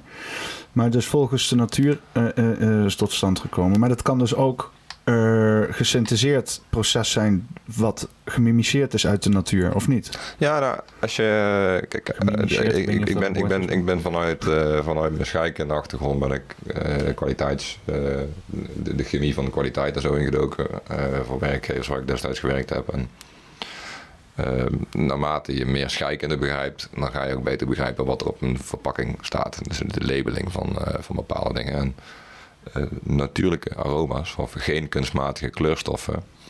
Dat is heel relatief geworden. Want eh, een aantal jaren geleden is er een, eh, een, een trend ontstaan waarbij de term clean labeling eh, tot stand is gekomen. En zo kom je bijvoorbeeld in plaats van E-nummers, kom je steeds vaker termen tegen zoals eh, paprika-extract of jeneverbes-extract. En vaak zijn dat gewoon stofjes Dat zijn die voorheen al als E-nummer eh, gecertificeerd zijn en die dus als E-nummer eh, goedgekeurd zijn voor, voor gebruik voor menselijke consumptie. Ehm, en analytisch chemisch gezien kun je vaak van een niet-natuurlijk product niet achterhalen of het wel of niet natuurlijk geproduceerd is. En natuurlijke productie eh, is dan in dit geval eh, gemaakt met levende organismen. En eh, ja, er zijn in Nederland bedrijven, waaronder bijvoorbeeld DSM en Geleen, die maken niet kunstmatige geuren, kleuren en smaakstoffen. Ja. En als jij dan kijkt naar een label op een, op een verpakking, dan staat daar bijvoorbeeld natuurlijke aroma's. Maar ja, als ik de genetische code van een, van een citroenplant in een bacterie stop Mhm. en ik wil limo- limoen of citroensmaak, dan kan mijn, eh, mijn bacterie, die ik genetisch gemanipuleerd heb, kan ik gewoon wat te eten geven in een reactor. En dan, eh, dan poept die als het ware citroensmaak uit. En dat is dan een natuurlijke smaakstof. Ja. Hoe, staat, hoe staat het met de koffie? Ik zal eens even kijken. Ik, ik, denk, ik denk dat we er wel bijna zijn, Daniel. Ik denk het ook wel. Dus eh, ja. Ik weet niet of ik zei mimiceerde. Ik weet niet of dat een woord is. En anders drop ik dit gewoon als een term nu, officieel podcastterm. Maar ik bedoelde dus nagemaakt. Maar inderdaad, je hebt dus, zoals Paul net uitlegt, gewoon biologische processen. Als je inderdaad gewoon gebruik maakt van wat de natuur allemaal ons kan brengen. eh, en dat gewoon namaakt hè, of nalaat gebeuren op een of andere manier. Dan, eh, dan heb je je, je biologische gebeuren. Hè? Eh, schimmeltje of eh, bacterietje poept een beetje, beetje citroensap uit en, eh, en voilà. Dus, eh, nou, ik, ik neem heel even deze tijd om, om toch ook misschien heel even te vertellen over de poppenkast camping. Misschien is Paul er ook bij. Hij gaat kijken, hij gaat zijn best doen. Hij is ook hartstikke druk. En aangezien jullie misschien met z'n allen nu massaal Paul gaan inhuren om koffie te zetten voor al jullie eh, benodigdheden. Ehm, eh, ik kan me voorstellen dat hij misschien geen tijd heeft. Maar ik hoop natuurlijk dat hij de 23e in komt. De eerste twee tickets die zijn eh, eruit. Hè, dat doe ik allemaal met de hand. Dus eh, geef mij even wat tijd als jullie allemaal massaal gaan lopen bestellen. Er zijn beperkte plekken. We kunnen eh 70 man kwijt. Dus ja, je moet toch wel even een beetje ja, niet te lang gaan lopen treuzelen en wachten. Want dan kan het maar zo zijn dat je naast de boot vest. In ieder geval voor dit event. Ehm, voor de rest, eh, ja, dus eh, gewoon eh, een mailtje sturen naar poppenkast of peter.poppenkast.com. En je kan ook de Telegram groep in de gaten houden. Ehm, ja, ik had het net over de 23ste. Hoe zat het nou? Kwam jij nou of niet? Nou, zoals het er nou uitziet, ben ik er gewoon bij. Oh ja. Oh, Ehm, moet even suiker pakken trouwens. hè? Nee, die heb ik er al in Oh, die heb je er al in gedaan? Ja, Oh, weet je, bent- ik, bent eh, helemaal... ik zoiets... Ik twijfel ook gewoon, ja, en het is sorry dat ik dat deed. Nee, is oké. Eh, Er zijn ook mensen, zeg maar, eh, mensen zijn gewoontediertjes en dat is, dat is, dat is heel interessant. Ehm, vaak sta ik op een evenement koffie te zetten en dan kom ik mensen tegen die zeggen van, oh, heb je ook melk en suiker? Dan zeg ik, nou, weet je, en dan zou ik kunnen zeggen, ik spreek uit de hoogte, maar uit respect voor de koffie zou ik jullie vragen om eerst de koffie te proeven Ja. en dan pas melk of suiker toe te voegen. En zeker als mensen een, eh, cappuccino bestellen, dan eh, zit er al melk in. In melk zit ook melksuiker. Eh, goed opgeschuimde melk is ook wat zoeter dan niet opgeschuimde melk. En dan krijg je dus eh, van zichzelf al een stuk zoetere koffie. Ook de extractie van koffie bepaalt hoe koffie smaakt. Deze koffie, we, we hebben hem niet heel goed in de gaten gehouden omdat we druk bezig zijn met het opnemen van de podcast. Was, was hij aan het... Hij was, al, hij was al klaar met pruttelen. Ah, shit. Dus we waren eigenlijk iets te laat. Dan krijg je overextractie en dan is de Oh, koffie een beetje verbrand. Eh, Hij heeft iets langer op het vuur gestaan. Nou, nou doen mensen dan vaak dus uit gewoonte suiker in de koffie of Mm. melk erbij. Om hem een beetje palatable te maken, dus eh, drinkbaar. Ik probeer dat moment altijd voor te zijn door de koffie zo goed mogelijk te zetten. Ja. Mensen mogen zelf oordelen of ze wel of geen melk of suiker in doen. Maar uit respect voor de koffie heb ik zoiets van... eh, die, die koffiebesjes die zijn geplukt met de hand. Het is allemaal met de hand uitgesorteerd. Nou, je, je- hebt dus die, eh, eh, want ik vroeg me dat altijd al eens af, die, die Turkse koffie. En die staat dus ook op die verpakking van ja, die Griekse koffie die je hebt meegenomen. Mhm. ik, ga dit even, ik ga eens even in één klap alle Grieken en Turken beledigen. Grieken en Turken zijn gewoon, dat is gewoon exact hetzelfde. Het is exact hetzelfde. Het is dat de een met een blauw en de ander met een rood vlaggetje wappert, maar dat is tekenend. Hè? We hebben dat ook in het dorp, in Hussen. Hè? We zijn ook allemaal Hussenaren, maar nee, het ene voetbalteam van de ene wijk is rood en het voetbalteam van de andere wijk is blauw, weet je wel. Zo, wij zijn verschillend. Maar ze vreten allebei vlees wat gedraaid is aan een spies. Ze vreten allebei plat brood. Ze zijn allemaal eh, een beetje Norse, harige, kalende mannetjes, weet je wel. Ze hebben allebei die mediterraanse look. Ze vreten allebei eh, onmogelijk veel feta kaas of, of jonge witte kaas. En onmogelijk veel knoflook overal in. Dus het, het zijn gewoon dezelfde mensen. Die gewoon heel trots zijn op hetgeen wat ze geologisch gaande hebben. En dan vervolgens zeggen dat ze anders zijn. Maar ja, dus koffie. Eh, jij bracht dus Griekse koffie mee, waar dus inderdaad die, die, die, die koffie kan op staan, waarbij ze dus in het zand gaan ze in het zand gaan ze eh, fucking koffie maken. En ik vroeg, me, vroeg me altijd al af van, what's the deal, weet je wel? Waarom, waarom ga je in godsnaam zo moeilijk doen over koffie maken, weet je wel? Dus ik wil het even laten zien. Dan moet je maar eens even vertellen van wat hier dan precies voor een balans gaande is. Ja, je ziet hier iemand met een zandbak en een eh ibrik. Of een chefse, chefse, chefse volgens mij. Chips, Het is niet, het is niet mijn, eh, mijn specialiteit. Ik ken wel mensen die... Maar Hollanders noemen het gewoon een zandbak. Nee, de- de- dit ding waar hij nu koffie in stopt. Oh, Dus, oké. Dat is het Turkse koffiepotje of het eh, Griekse koffiepotje, of net hoe je het wil zien. Ehm, er wordt een, een kopje water afgemeten. Want de verhouding tot waterstaat tot koffie is belangrijk om de juiste smaak te krijgen. Ook om een goede extractie uit te voeren. Hij heeft eh, wat gemalen koffie in het, in het eh, potje gedaan. Eh daar gooit hij water bij. Mogelijk heeft hij er ook wat suiker bij gedaan. Dat kan ik vanaf hier niet zien. En dan zie je dat hij hem in het zand zet. Het zand is opgewarmd in een bak waar warmte-elementen onder zitten. En naarmate dat het zand de Hoe- warmte overbrengt, Hoe heet is dat zand? ik denk dat het een soort schelpenzand is. Ja, maar hoe heet? Hoe heet? Oh, dit, dit ja, warmer dan 100 graden. Oké. ja. Want eh, bij 100 graden. Hoe heet het? Hoe heet het zand? Hoe heet het zand? Hoe heet is het zand? Ja, heet het eh, zand? Twee keer de helft zou ik zeggen. Maar eh, Turks, Turks zand is dit. nou ja, het, is, het is in ieder geval eh, het zand dat een bepaalde warmte heeft, waardoor die, eh, de, de, de temperatuur van het water en het, eh, het vaatje wat in het water staat kan verhogen. Hij gaat nou roeren om, eh, om een beetje een homogeen mengsel te maken. Homogeen is ook weer eh, een scheikundige term. Je ziet dat daar eh, wat schuim op ontstaat. Eh door de warmte van, eh, van het zand dat overgebracht wordt naar het water.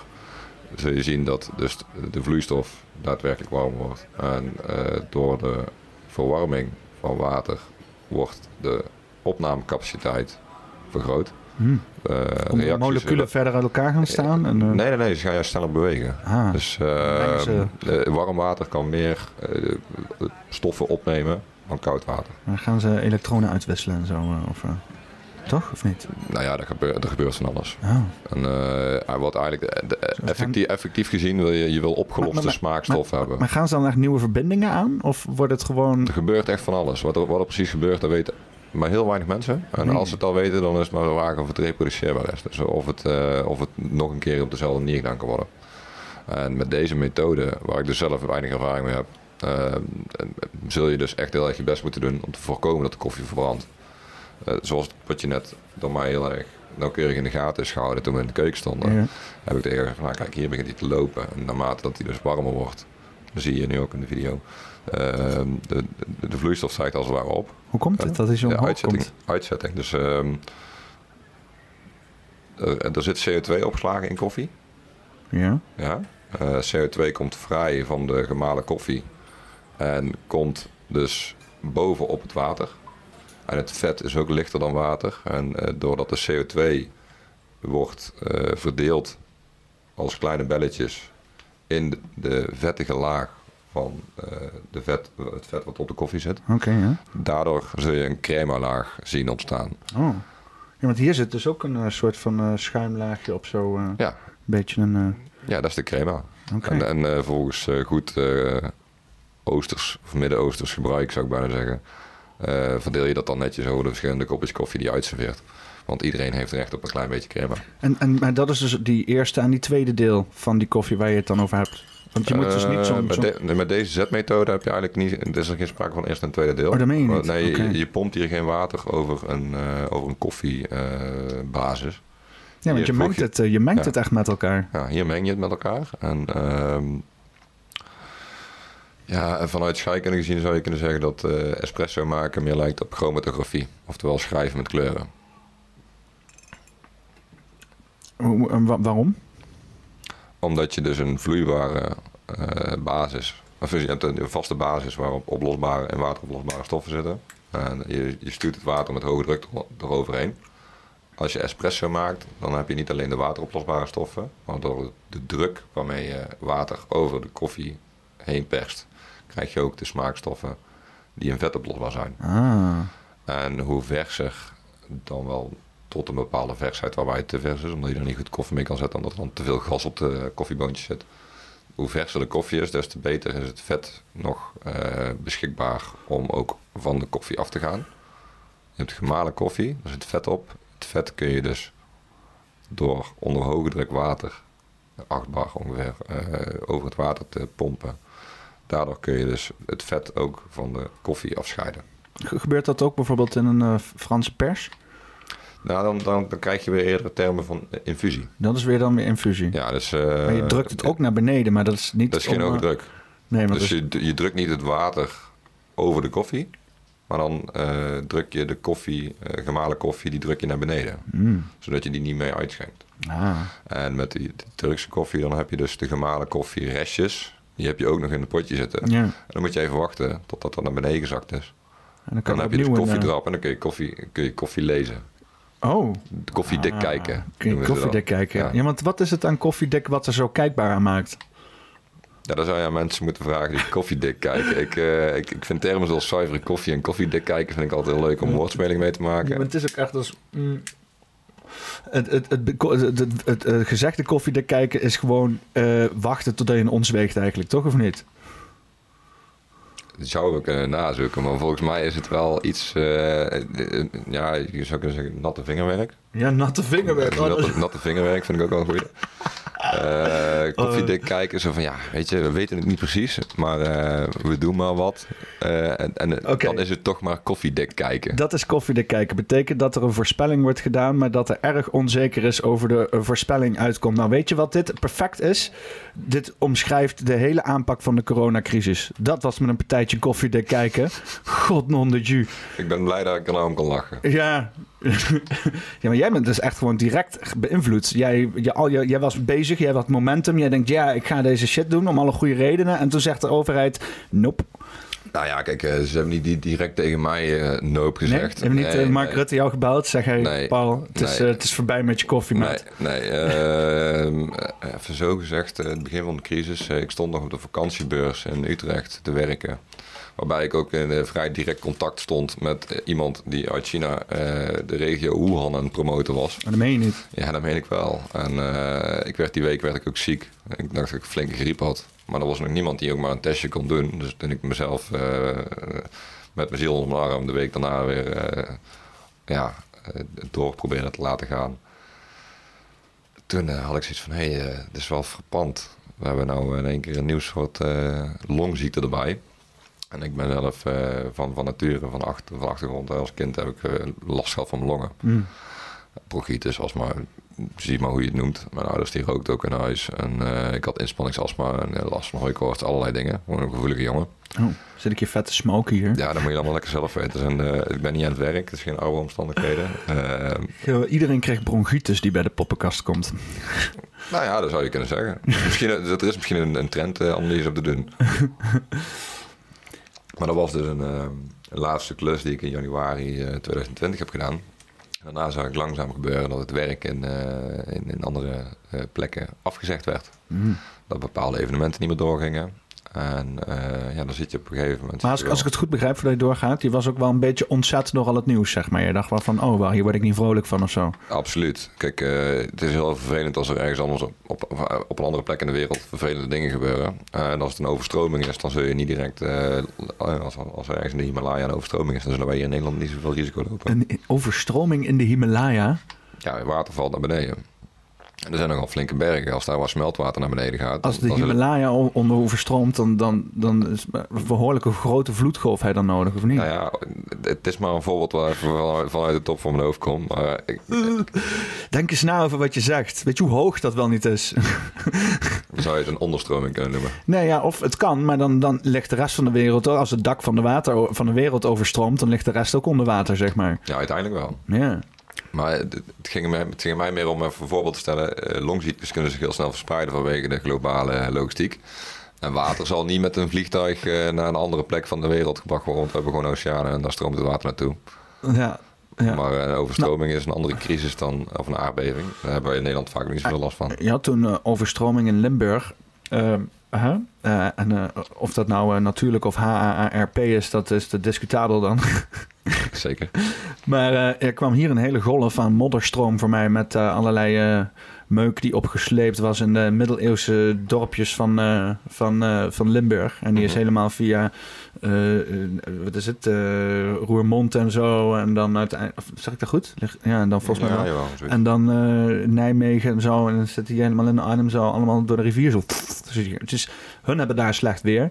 Hier komt de meuk door de rivier. Ja, dus ik bedoel, enigszins zijn we wel verbonden met elkaar. Misschien niet de Himalayas inderdaad, maar... Nou, met hoge ber- of lage bergte in, eh, in Limburg, zeg maar, die, die, die, die heuvels die ze daar hebben, die, eh, die hebben wel een beetje invloed op wat wij hier zien. Ja. Als je het hebt over de rotzooi die met water werd meegevoerd. Ja. Maar water heeft nogal een andere vorm van verplaatsing dan mensen die een longziekte met zich meedragen. Ja, mensen zijn wel, eh, dat is wel, als je die, die kaart kijkt van die vluchtroutes en zo, en eh, de scheeproutes, en eh, gewoon, ja, dat is, je hebt zo'n kaart, dat het GPS air traffic of zo.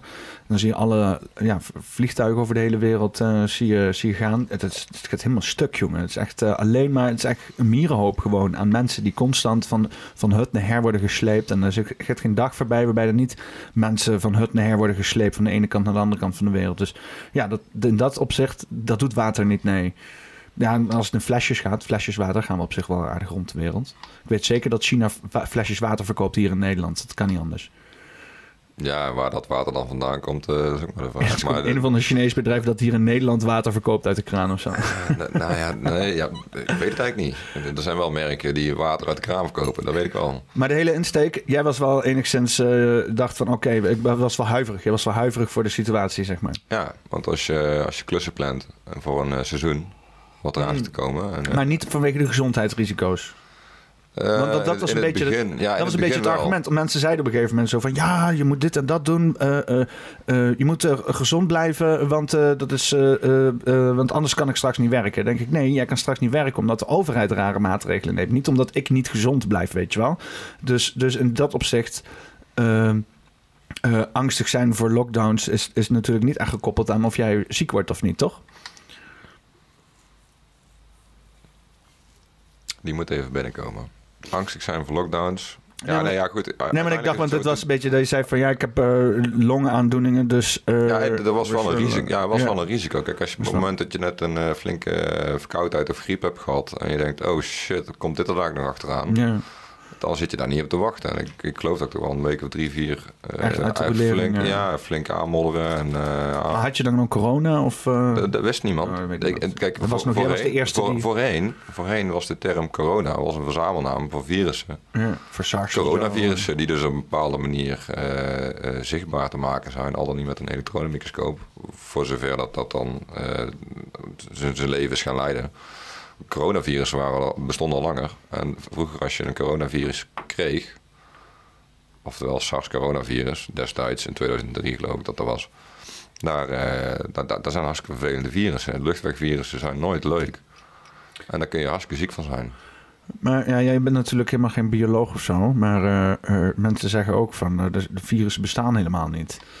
Is, is, is, dat, is dat een rare, rare ding om te zeggen? Of? Nou ja, kijk. eh, Want, want jij zegt van ze hebben, het, ze hebben het gedetecteerd onder een microscoop. Dus dan kan je zeggen, hier, dit is een ding. Of, of, Nou ja, je kunt, je kunt allerlei dingen meten. Meten is weten, zeggen we vaak. Maar als je niet weet wat je meet, of je weet niet in welk milieu je dingen meet, of welke eh, marges of eh, meetfouten je maakt, dat- dan, dat- is weinig zo absoluut als een, een lijn tussen twee punten, hè, van hier naar hier. Dat kun je goed meten. Maar alles wat daar, in, in, in drie dimensies wel, ja. Ja, maar hè, de temperatuur kun je meten. Zo kun, er, zit een, er zit een maatstaaf aan. En, en zo, je kunt een hele hoop dingen meten. Maar Ja, want ook de- als je, als je van hier naar hier zou meten, eh, in de tijd dat jij dat aan het meten bent, ben je in het universum ook alweer een stuk verplaatst. Dus, Ja. en, en hard ook trouwens, weet je wel. Dus het is ook relatief ten opzichte Ja. van iets anders. Ja, we gebruiken vaak de tijd als, als eh, meeteenheid om bijvoorbeeld snelheid aan te geven. Ja, En eh, dan zijn er termen zoals de lichtsnelheid, want niet zo snel dan het licht. zeg, zeggen ze. Maar dat is, dat is een wetenschappelijk eh, aangenomen waarheid. Ja, maar Niet zo snel dan het licht. dat is grappig dat je dat zegt. Misschien kan ik dat wel even vinden. Want eh, ehm, eh, quantumcomputers die zijn rustig aan alle dingen die Einstein heeft vastgesteld aan het afpellen. En zo zullen we altijd zien dat er in de wetenschap ruimte is voor discussie. Mits en maar het niet te veel door de politiek wordt ingezet als, als middel om mensen te beïnvloeden. En eh, de wetenschappelijke waarheid van bepaalde standpunten en bepaalde feitelijke waarheden, dat zijn altijd eh, de, de, de meest waarschijnlijke eh, opvattingen of metingen of, of de consensus. Totdat er weer een nieuw inzicht komt, waardoor alle eh, materie en alle materialen en alle kennis en feitelijkheden weer aan de kant worden gegooid. Ja, maar eh, jij, jij, je- ik vind het eigenlijk vind het gewoon even leuk altijd eh, om even toch wel heel even die hele pandemie door te nemen met verschillende mensen, want er zijn zoveel dingen ook onbesproken ge- gebleven. Eh, eh, jij was aan het begin van die pandemie. eh, maar ik, ik heb zelf ook even wat filmpjes eruit gedaan, want ik was in het begin eh, ook eh, heel anders erin. Ik heb echt een weg doorgemaakt. Ik was ook huiverig. En zelfs na een jaar had ik nog zoiets van... joh, we moeten wel even, even een beetje redelijk blijven, weet je wel. En ik ben in dat jaar weer helemaal overstag gegaan. Zo van, joh, eh, dit is inderdaad het grootste partijtje koffiedik kijken... van, eh, van, eh, van de afgelopen eeuwen, volgens mij. En... die, maar als ik het dus goed begrijp, want jij snapt ook, als jij, als jij naar de, de wetenschapachtige situaties hebt gehoord in de, in, de, in, de, in de media, dan zou je ook moeten hebben gefrustreerd. Want je, je komt aan het begin, alles, je werk is je ontnomen. Eh, eh, je, je was oprecht huiverig omdat je ook je eigen gezondheidssituatie in acht wil nemen. Eh, eh, dus ik neem aan dat je ook in zekere zin gewoon hebt meegewerkt aan bepaalde dingen. Absoluut. Wanneer heb je, voel je niet, zeg maar, heb je niet zoiets van. Voel je niet verraden op een of andere manier? Zeg maar ook door, want de wetenschap heeft zich ook niet van alle. De, de, veel mensen die claimden de wetenschap te vertegenwoordigen, hebben zich ook niet van de meest charmante kant getoond. Nou, voor mij zijn er zeker wel momenten geweest waarop ik me echt eh, belazerd voelde. Om het maar zo te noemen. Kijk, eh, je verraden voelen of je belazerd voelen is ook een, eh, een moment in de tijd en is een keuze. En verraden is ook iets persoonlijker of zo natuurlijk. Ja, dan richt je het meer op een, op een externe factor. En eh, je belazerd voelen kan ook gewoon zijn van... Hey, ik voel me belazerd, want dingen gaan niet zoals ik het gepland heb... en de situatie overkomt me. Maar dan hoef ik niet per se naar een persoon of naar een instituut... of iets, iets dergelijks te wijzen. En eh me belazerd voelen zegt vooral iets over mij. En me verraden voelen zegt ook iets over mij ten opzichte van een ander. Maar wat, wat neem jij jezelf kwalijk dan hoe jij eh, de afgelopen twee jaar hebt doorgedaan? doorgedaan? Eh, ik heb veel discussies gehad met mijn ouders. waarbij ik soms echt heel, heel hard ben geweest. En eh, da- daar heb ik ook sorry voor gezegd. Maar wat voor discussies moet ik me voorstellen dan? Ehm, ja, kijk, het- iets wat mij opviel in het begin van de crisis was dat eh, de, de, de, de, de rente van de ECB, geloof ik, die werd, eh, werd verlaagd tot onder nul. Dus Ja, dan kreeg je, je, je kreeg als je geld ging lenen, eh, in dit geval als de Nederlandse overheid geld ging lenen, kregen ze er op 1 miljard als lenen, kregen ze er 5 miljoen bij. Toen zei ik tegen mijn moeder, ik zeg, maar, ik zeg, volgens mij klopt dat niet. Er, is hier iets, er begint hier iets scheef te gaan. Waarvan ik me afvraag of het wel goed is voor de mensen die eh, A. eh, hard werken voor het geld wat ze verdienen. B. voor de waarde van het geld. En C. eh, voor de werkvoorziening van mensen die het al moeilijk hebben. Of die ehm, eh, misschien wel verder van de arbeidsmarkt staan. Of misschien wat meer op zelfstandige wijze proberen dingen uit de grond te stampen. En eh, ja, de ene is natuurlijk veel harder geraakt door de crisis dan de ander. Maar ik weet wel dat mensen in de evenementindustrie toch wel echt een flinke klap hebben gehad. En eh, daarnaast bijvoorbeeld ook mensen in de zorg.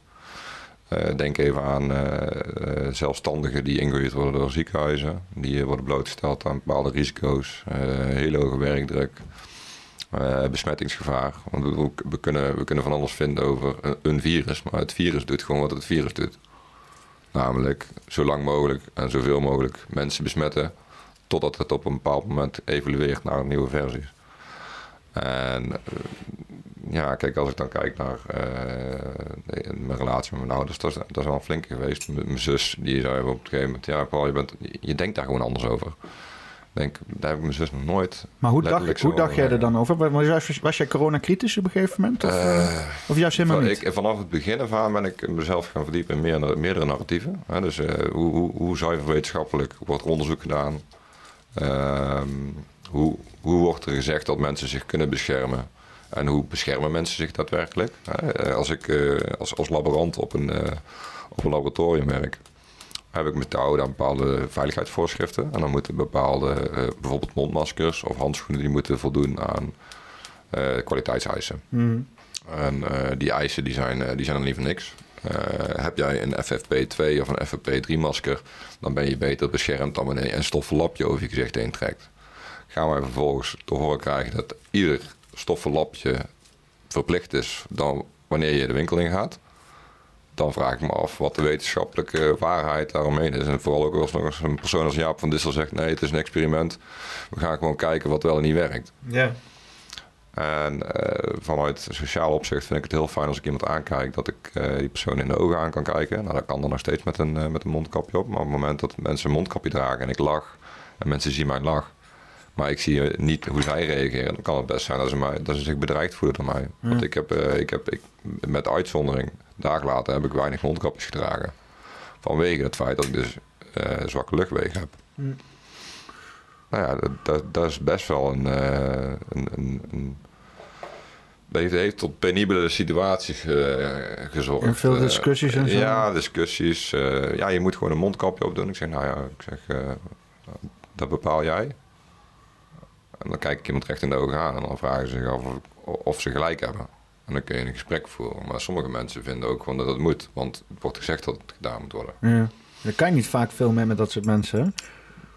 Nou, ja, ik persoonlijk niet. Maar ehm, En die mensen moeten zelf eh, eh, uiteindelijk tot inzicht komen op een of andere manier. in de eerste weken dat er nog geen sprake was van een mondkapjesplicht... had ik eh FFP2-maskers liggen. Had ik handschoenen bij me als ik naar de winkel ging. Dan werkt dat met jouw baard. Nee, natuurlijk niet. Ja, het liefst heb je dan een geschoren gezicht. Ja. Eh, en een masker wat eh, zowel zover als mogelijk hermetisch afsluit. Dus dat je alleen maar door een filtertje heen ademt. Ja. En dan is zo'n filtertje twee, misschien drie uur houdbaar en dan moet je het weer vervangen. Dus dan loop je de hele dag door maskertjes te gebruiken om ergens te kunnen zijn. Eh, en dan denk ik van ja, dan, dan ga ik liever niet naar die plek toe. Nee. Dan, dan bestel ik mijn boodschappen of dan haal ik ze wel bij een winkel waar ik geen mondkapje hoef te dragen. Ja, maar het is, het is ook grappig. Hè. Ik heb een tijdje, heb ik, eh, voor de pandemie was ik al eh, geïnteresseerd in, eh, in, in, in, in, in, labs. En eh, er was ook zo, was die serie van, eh oh, dan gaan we krijgen hoor, die Neil deGrasse Tyson serie gebaseerd van Carl Sagan. Eh, en daar gingen ze allerlei wetenschappelijke doorbraken gingen ze daar doornemen met leuke animaties en zo. En een ervan was een wetenschapper die dus inderdaad de luchtdichte ruimte ging uitvinden. Ook iemand die op een gegeven moment beklag deed over de, hoeveelheid lood die in de lucht was. was een of andere eh gozer, die was eh, een soort van neurotisch. Die moest alles schoon hebben, zeg maar. En die wou inderdaad, die, die deed eh, eh, ook met microscopen en zo, die die deeltjes bekijken. Maar hij zag altijd dat er saturatie gaande was, omdat hij gewoon zijn omgeving maar vies bleef, zeg maar. En de hoeveelheid moeite die hij door moest gaan om zijn lab schoon te krijgen, zodat er geen deeltjes, en dan hebben we het voornamelijk over stofdeeltjes, niet eens virusdeeltjes, die zijn nog kleiner, eh, eruit te krijgen. Eh, en als je nu ook zoekt op BSL-4-labs, hoe die beveiligd zijn, hoe grote verdiepingen bovenop de daadwerkelijke verdieping zitten, alleen maar om de lucht eruit te zuiveren, om die ruimte zo schoon mogelijk te houden. En dan heb je nog niet 100% schoon. Als je dan bedenkt dat dan mensen in gewoon de dagelijkse wereld een lapje stof voor hun bek hangen en zeggen: Ah, dan komt het allemaal goed. Dat, is, dat, is, dat, is, dat staat zo ver af van de werkelijkheid van hoe eh, deeltjes door de lucht heen bewegen. Want zelfs zo'n FP2-masker, dat is. Dat is eh, ja, inderdaad, dan moet je hem helemaal met, maar als dokters doen, dus hem helemaal met tape afsluiten zo. Eh, en dan zo'n bril op, want je ogen die nemen ook gewoon substanties op. Zo'n virus kan ook in je ogen terechtkomen en wordt Tuurlijk. opgenomen via je, je, je, je vlies en je vochtige dingen. Eh, ja, dus het, het, is, het, is, het, slaat helemaal, het slaat. Ik, ik, toen ik op een gegeven ik, ik dacht op een gegeven moment inderdaad met die mondkapjes van oké, eh, weet je wel dat argument zo van oké, eh, eh, als je je broek omhoog doet en je pist, dan pis je tenminste in je broek. En als je je broek omlaag doet, dan pis je een eind ver weg. Hè? Dus inderdaad die micro-droplets theorie, Ja, ja, ja. aerosolen. Maar het was ook helemaal op het randje van is, zo van: is het virus nou airborne? Want wat betekent wat een virus airborne is? Een virus kan volgens mij helemaal niet airborne zijn. Het, moet altijd, het heeft altijd een drager nodig, Ja, toch? Eh, je hebt, er zijn, er zijn want heel veel mensen hebben het idee dat virusdeeltjes door het de lucht heen zweven, zeg maar. Maar dat kan helemaal niet, toch? Nou ja, wat, is lucht? Lucht is eh, een mengsel van gassen. eh, ongeveer, ongeveer 21% zuurstof en de rest is ongeveer stikstof. Dus we kunnen het ook over stikstofproblemen gaan hebben. Maar daar zijn we nog lang niet volgens mij. En ik hoop ook dat we daar eigenlijk vandaan blijven. Want dat soort dingen, dat, eh, ja, dat is toch wel meer politiek dan wetenschap voor mijn gevoel. En ik vind politiek machtig interessant. En ik weet ook dat wij ook eh, een bepaalde verbinding hebben als het gaat om politiek. We kunnen gewoon over stikstof gaan hebben, hoor. is geen probleem. nou ja, eh, stik er maar in. nee, eh, ik zou zeggen stikstof, dat, daar zal vast nog iemand zich aanbieden die daar meer te- te- over te zeggen en er meer over te weten heeft dan, dan dat ik het heb. Ik had gehoord, eh eh, vriendin van eh Stefan ook weer? eh, eh, kut, maar, Irmgracht? Weet ik, nee. Hmm, nu, ga ik, nu, ga ik, nu heb ik iemand beledigd. Kut, sorry. Iemand die kwam inderdaad over stikstof vertellen. Ook inderdaad misschien op de, op de camping. Maar eh, eh, Lucht, deeltjes Lucht, in deeltjes. lucht. Je kunt Want- deeltjes in lucht kun je meten. er zitten toch gewoon overal virussen. Gewoon overal. Ja. De hele dag door worden we gewoon belaagd met virussen van van alles en nog wat. Ons hele lichaam Ja, zit vol met virussen. natuur. Dat is de natuur. De- de- de- Er zijn DNA-strengs en virussen die ook representatief zijn in onze eigen DNA, implicerend dat virussen meegeëvalueerd zijn met ons of zo. Nou ja, kijk, d- er zijn het hele idee van de mensheid, wij mensen, eh, wij zijn ontstaan uit, mits, je die overtuiging aanhangt, dat, daar is evolutie gaande geweest. We, hebben, eh, we zijn ooit vanuit het niks zijn we met iets begonnen. En, sommige mensen noemen dat de Big Bang. Het ontstaansgeschiedenis van wat, wat wij hier aan het doen zijn en wat hier, hier en nu is. Daar is heel veel discussie over mogelijk. Volgens mij had ik gisteren een stukje van je laatste poppenkast aanstaan. En dat ging dan over Met mijn everything, everything, eh, always and everywhere. Eh, Ja, ja, ja. Oh ja, oké, ja, dit is wel een hele interessante zienswijze. En eh, misschien eh, denken honderd- over 100 jaar mensen, al, al, al- iedereen daar wel zo over. Ja. Maar er zal altijd religie zijn. En er zal ook altijd een, eh, een bepaalde mate van eh scept, scept. Er zullen mensen zijn die sceptisch zijn over de zienswijze van de, van de meerderheid. Maar je mag aannemen hier, als we hier in Nederland met elkaar spreken, dat je het over evolutietheorie. Er, zijn, er is ooit een keer leven ontstaan. Eh, leven voldoet aan bepaalde eisen die eh, de biologie daaraan stelt. En eh, destijds, toen ik op de opleiding zat, bij, kreeg ik bij microbiologie te horen dat de, een virus is een niet levend organisme. Het is wel een organisme, maar het heeft een gast nodig, een gastheer nodig om zich voor te planten. En daarom is het, een, is het niet levend. Het is een dood, dood object. Het is, een, het is een vorm van organisch materiaal die al dan niet binnen een gastheer zich kan reproduceren. En de, de term die mij destijds is verteld over eh, leven, is dat het zichzelf moet kunnen voortplanten. Maar eh, eh, ja. ja, want het idee is natuurlijk dat zo'n virusdeeltje. Want zoals ik het heb begrepen, is dus een virusdeeltje een soort van vetbubbeltje met daarin een RNA-strengel. En dat vetbubbeltje moet dus ergens op. Of dat virus heeft dus inderdaad dus een bepaalde configuratie met, met, met je dat, enzymen, zodat hij inderdaad op een, ergens aan kan haken. Ja, die op een, spike, op een de receptor. spike-enzym, spike-eiwit. En, en dat verschilt per virus. Dat is ook de reden waarom een virus wel of niet succesvol is. Omdat hij een bepaalde spike heeft, zeg maar. En dat ergens op vastplankt. Dus of een plant, of een dier, of een mens, of op je oma. En, eh, eh, eh, eh, maar dat vetbobbeltje, dat, dat is helemaal niet zo... Dat is, dat is, als dat bloot wordt gesteld aan de, aan de elementen, zoals eh, eh, Lucht, zonlicht. zonlicht, inderdaad, dan gaat het gewoon kapot. Dan, gaat het, en dan valt het uiteen en dan is het klaar. Dus dat, dat virusdeeltje is hartstikke kwetsbaar. Dat moet constant in een bepaalde omstandigheid worden gehouden en zo. En dan, dus ze hadden het de hele tijd over dat idee dat het dus inderdaad wel niet airborne was. Alsof de virusdeeltje door de lucht heen zweven, weet je wel. Eh, en dat ook op objecten virus zouden kunnen blijven liggen. Hè? Maar dat is dus... Want virussen moeten wel in een afgeschermde ruimte zijn. Als ze gewoon zo in het daglicht zijn... als ze zo gewoon open worden gesteld aan de lucht... dan zijn ze zo kapot. Ja, dan, dan is het ene virus het andere virus niet. Maar dat ligt dan puur aan dat, aan dat vetbobbeltje, zeg maar, eromheen of zo. Ja, de- kijk, eh, Of waar het zich in transporteert, zeg maar. Dus ja, als je de, het de inderdaad... mate van overdracht. Kijk, de, de, de- het RIVM heeft, eh, heeft heel veel onderzoek gedaan, ook voordat er eh, sprake was van een coronacrisis. En dan wordt er, ik meen dat een publicatie uit 2012, 2013 of zo is geweest, waarbij er wordt gekeken naar statistische gegevens en hoe, hoe een griepvirus zichzelf overdraagt. En dan wordt ook gesproken van aerosolen. En eh, ik weet zeker dat als ik griep heb en ik wrijf een keer naar mijn neus, zo, en ik heb hier een virusdeeltje zitten, en ik geef jou de hand dat jij ze op je hand hebt. En binnen de vloeistof, dan wel de hoeveelheid materiaal die aan mij kleeft, kan ik het aan jou overdragen. Ja. Dan heb je geen sprake van aerosolen. Ja. Je kan ook in je oog wrijven, je kan je het ook naar binnen krijgen. En eh, hoe, hoe agressiever of hoe eh, gevaarlijker een virus is, eh, des te, dit kan besmettelijker zijn of het kan gevaarlijker zijn in de zin van dat, het- dat het je snel doodmaakt. Of dat het zich snel kan eh, voortplanten in je lichaam. En welke mechanismen van actie daar eh, van, eh, van toepasbaar zijn, die bepalen hoe gevaarlijk iets is. Ja. En als ik terugkijk naar wat er is gebeurd destijds, de- we hadden het over de, het begin van de, van de crisis. Toen, toen werd er een virus op lijst A gezet. Ja. En die definitie van waar het aan moet kunnen voldoen om op die lijst te komen, daar zijn wijzigingen geweest, wettelijke wijzigingen. En dat is vanuit een, een hoger gelegen orgaan opgelegd. WHO. Ja, kijk, eh, volgens, volgens mij was het wel de WHO die daar een eh, flinke eh, vinger in de pap heeft gehad. Ja, die coördineert het. Die krijg je Ja, natuurlijk ook en, verteld en de van... EU heeft ook natuurlijk, de EMA, de Europese Medicijn, Medicijnagentschap, die heeft ook. Sorry. Beetje kramp. Oh, oh jee. Ja, ik heb al Ja, dat ik- krukje daar staan. Die heb ik ook altijd inderdaad. Ja. Die krukken is nog... Ik moet eigenlijk een soort van voetenbankje hier creëren. Ja. Zodat je een beetje... Nee, maar dat, ik- er zijn allerlei eh, veranderingen gaande geweest. En in, in heel veel gevallen is, is dat een goede zaak, denk ik. Want we willen graag zo goed mogelijk voor onszelf en voor, voor de mensen om ons heen zorgen. Eh, we willen graag de mensen zich aan protocollen houden.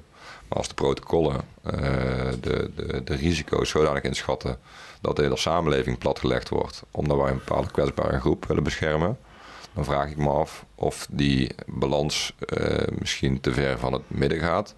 Als er 17 miljoen Nederlanders zijn en eh, er is een groep van eh, misschien eh 500.000 mensen die echt heel veel risico lopen, waar ik mezelf ook toe voelde behoren. Ik beschouwde mezelf als onderdeel van die groep, omdat ik zwakke longen heb. Ja, je gaat dan kijken en blijkt dat ik, eh, ik, ben, ik, ik, ben, ik ben lang niet zo lang niet ziek geweest. Hè, dus, eh, ik, ik, ik ben eh, tijdens de coronacrisis, ik heb uiteindelijk afgelopen jaar in februari, toen iedereen carnaval aan het vieren was en ik druk aan het werk was geweest. Nee, dank je. Maar toen, toen iedereen eh, carnaval aan het vieren was, toen ging iedereen corona omicron krijgen. Oh, dat was ook zo dom. En, en, en, en mijn vriendin die wilde op vakantie en ze had een test laten doen. Nou, want dan mag ze vliegen, een PCR-test. En, eh, en ik, eh, ik, ik voelde me niet lekker. Ik had geen carnaval gevierd. Ik had geen... eh, nee. Je, je, je vriendin wel? Zij had een dagje carnaval Ja, gevierd, ja. tuurlijk, Nou, en, zij, en zij had... zij had Zo komen die flesjes water binnen. zij had in, in ieder geval de situatie waarbij ze zich wel beroerd voelde. de dag nadat ze carnaval gevierd had. En ik kwam een dag later weer bij haar. En weer een dag later werd ik wakker en ik voelde me echt een hondsberoerd. En ik had zoiets van, ja, wat is er toch aan de hand? En zij zei van, ja, misschien kun je even een testje doen. Nou, dat is goed. Dat doe ik over twee dagen wel, want eh, als ik me nu slecht voel en ik ben geïnfecteerd, dan, eh dan zal je het waarschijnlijk pas over twee dagen meten. want het duurt eventjes voordat... eh, Incubatieperiode, alles. ja, precies. Dus nou, zij een goedgekeurde test, ik kon gaan vliegen. Maar ik bleef me maar slecht voelen. Ik denk, ja, doe toch maar een testje. Dan had ik een positieve test. Dus, ik, dus heb ik corona gehad, bevestigd. Een positieve test. Nou, dan moest dan nog een keer gecheckt worden door de GGD. Bleek inderdaad zo te zijn. En dan heb je dus de voorwaarde dat als je een ticket geboekt hebt, dat je dan eh, je annuleringsverzekering kunt gebruiken, omdat je niet kunt gaan vliegen als je andere mensen kunt blootstellen aan corona. Ja. En in zoverre zijn die systemen heel goed ingericht. Maar ben je er dan ook voor eens, want het liefst ziet dus inderdaad eh, de, de, hè, de, de, powers that be, ik kan het wel heel details over heen gaan, maar eh, dat je dus inderdaad eh, een volledig overzicht hebt wat voor een overdraagbare ziektes individuele bij zich hebben en dat ze daarop dus inderdaad restricties kunnen krijgen om bepaalde reizen af te leggen. Of misschien bepaalde, dat er misschien dieper op in wordt gegaan dat je een of andere quarantaine afdeling in een vliegtuig hebt of zo. Maar wat, zo zie ik de toekomst nog gebeuren. Als je dus inderdaad dan infectieus bent met iets. eh, wat de factor allemaal gaat komen en wat allemaal nog opnieuw op de A-lijst komt wat dat betreft. Dat ze dus eh, eh, dat meteen kunnen meten bij jou op een of andere manier. Als dat ergens gediagnosticeerd is, dat het meteen bekend is bij desbetreffende vliegmaatschappij. En dat ze gewoon kunnen zeggen, nee, moet je omboeken dat ticket. En, en, en dan ook daarbij de annuleringsverzekering dat je geen kosten maakt. Dat je gewoon weet dat je je kosten terug eh, betaald krijgt. Maar, maar, maar vind je dat redelijk, zo'n systeem? Want er zijn wel heel Ja, veel wat mensen die zeggen van... joh, dit is wel erg, eh, dit dringt erg op in mijn, mijn, privé eh, shizzle en zo. het is heel relatief. Kijk, wat ik, wat ik redelijk vind, dat is voor misschien voor een ander helemaal niet redelijk. Maar als, ik, als ik mag kiezen of ik wel of niet in een vliegtuig instap waar iemand anders in zit, die misschien eh, mij een ziekte kan geven, dan vind ik het heel fijn om die informatie tot me te hebben. Maar ik wil, ik wil wel nog een keer weer helemaal teruggaan. Ja, Ik ben, eh, eh, want ik ben een beetje, de laatste tijd ben ik wat minder van de virussen geworden. Niet zozeer dat ik ze ontken of zo, maar meer als een soort van bijkomstigheid van meer onderliggende structuren. En wat meer gaan focussen op immuniteit. Hè, dus inderdaad, hoe zit je immuniteit in elkaar? Hoe, hoe maak je jezelf voor alle dingen waar je je wel eindeloos op kan voorbereiden. Maar je kan beter gewoon een goede stevige muur bouwen in plaats van allerlei specifieke eh, strategieën van alle vijanden onder handen nemen en precies daarop allerlei maatgerichte kleine aanpassingjes maken. Nee, maak gewoon een dikke muur met een groot kanon, weet je wel. En uh, maakt niet uit of je nou Mongolen bent of Turken of uh, ridders van de Heilige Orde of een stelletje Germanen. Je kan gewoon een kanon tevoorschijn halen en schiet de hele zooi overhoop, weet je wel. Gewoon German engineering, Duitse Grundlichkeit, alleen dan voor je immuunsysteem. Mhm. En um, um, uh, uh, wil ik even zeg maar meegaan naar het moment dat je dus inderdaad uh, dacht van. en ook een stukje dus inderdaad daarom, om dat te creëren, jezelf ruimte te geven om ziek te worden. Want ik, jij zei van, ik, ik, ik was toen druk, je had allerlei dingen gepland. En jij dacht, fuck man, dat ziek worden, dat kan helemaal niet. Dat is helemaal niet nu, daar heb ik helemaal geen behoefte aan. Hè? Want ik hoor niet zeg maar angst om dood te gaan of zo, weet je. Want je zegt alleen van, ik ben er vatbaar voor, dus ik zal het waarschijnlijk krijgen. En dan ben ik flink onder de pannen en daar heb ik geen tijd voor. Is dat niet het probleem. Hè? Dat je niet jezelf de tijd gunt om ziek te worden om je immuunsysteem natuurlijk op te boosten. En dan grijpen mensen naar allerlei dingen zoals vaccins en al dat soort zaken. Om dus maar even snel een immuunboost te doen. En dan inderdaad zo'n op maat gemaakt klein uh, hendeltje om precies die ene vijand uit te schakelen. Uh, in plaats van gewoon een robuust immuunsysteem opbouwen waar je vervolgens ook sterker voor bent. Is dat misschien niet? En ik snap dat je, dat je als eerste denkt van ja, maar mijn bedrijf dan. Maar is dat niet juist het probleem? Is niet het probleem meer technologie en meer indringen op elkaars persoonlijk leven, maar meer ruimte genereren om ook de natuurlijke, biologische, organische processen in ons uh, tot stand te brengen? Zullen we deze er even bij pakken? Ja. Kijk, uh, vorig jaar uh, in december heb ik mezelf de, de, deze telefoon cadeau gedaan. Nadat ik misschien wel tien smartphones heb versleten in de laatste tien jaar. Ik weet niet precies, ik heb het niet precies bijgehouden, maar ik weet wel dat ik het heel erg leuk vond om technologische ontwikkeling te volgen en daar een beetje in vooruit te lopen. Daar had ik ook veel geld voor over. Ja. Want ik werkte en ik had gewoon een baan. En ik, ik, dan, dan haal je de, je geluk haal je vaak meer uit dingen. Ja, ja. En in de verbinding met mensen. In plaats van dat je iets, uh, iets doet waar je achter staat en uh, waar je met je passie volledig in stapt. En uh, dan moet je het dus wel eens in vol te houden. Hè, een van die opvattingen van hoe zorg je voor je immuunsysteem. Ja, ik, ik raad mensen altijd aan. Als je jezelf niet lekker voelt, neem een kopje gemberthee. Of citroen, citroen gember, gember en citroen hebben hartstikke veel immuunversterkende stoffen. Ja, antioxidanten en zo, toch? Ja, kijk, een antioxidant is een heel brede term, maar oxidatie en redox, dat zijn de termen dan. je hebt vrije radicalen. Als je veel suiker eet, dan krijg je veel radicalen in je lichaam. Adem je slecht. je, hebt, je hebt meerdere keer met Stef zitten praten over verschillende dingen. Adem je slecht, dan, dan hoop je CO2 op in je lichaam. Dan verzuurt je lichaam, dan gaat je, de, dan gaat je pH van je bloed omlaag dan gaat je lichaam gewoon minder lekker functioneren. Ja. En ik had jou vanmiddag een keer aan de lijn. En uh, jij zat te wachten op mij. En ik was aan het stressen om hier op tijd te komen. we hadden niet echt heel duidelijk tijd afgesproken. Jij dacht, nou, drie uur vanmiddag. Ik denk, ja, laten we kijken of we tussen half één en half drie kunnen beginnen. En jij dacht, oh, half één, uh, Paul, laat me toch niet zitten. Jij had stress. Ik had stress. En in plaats van dat we daar allebei op doorgingen, had ik ik moet even communicatie helder hebben. Uh, jij verwacht mij, ik wil graag een afspraak met jou nakomen en laten we zorgen dat we daar zo min mogelijk stress mee hebben, want dan kunnen we een leuke sessie plannen en, uh, en uitvoeren. Hoe is het tot nu toe? Is het gelukt? Ik vind het relaxed. Nice. Ik, uh, ik hou de tijd ook niet echt in de gaten. Ik weet niet precies hoe lang we nou al zitten en waar we het allemaal over hebben gehad. Maar het, het, het praat lekker. We, we, hebben verschillende onderwerpen aangesneden. We hebben het over koffie gehad. En nu gaat het over gezondheid. En de, de, de voorwaarden eigenlijk, hè, wij, waarin wij in ons systeempje nu zitten, is de Nederlandse maatschappij. Mm -hmm. we spreken in onze Nederlandse taal. Ik iets Brabantser dan jij. En jij weer iets meer van hier is- eh, lokaal. Is eh, dat zo? Ja, jawel. Daar valt mensen waarschijnlijk wel op. Geen ons En- mam? Ja, als mam, als pap. eh, Tilburg. Ehm, Tilburg. ja, kijk, uiteindelijk is het zo dat we, we hebben heel de dag stress op ons lichaam. En eh, voor veel mensen is het lastig om met die stress om te gaan. Kunnen ze vluchten naar middelen, zoals eh, een jointje. eh, Maar een jointje kan ook een medicijn zijn.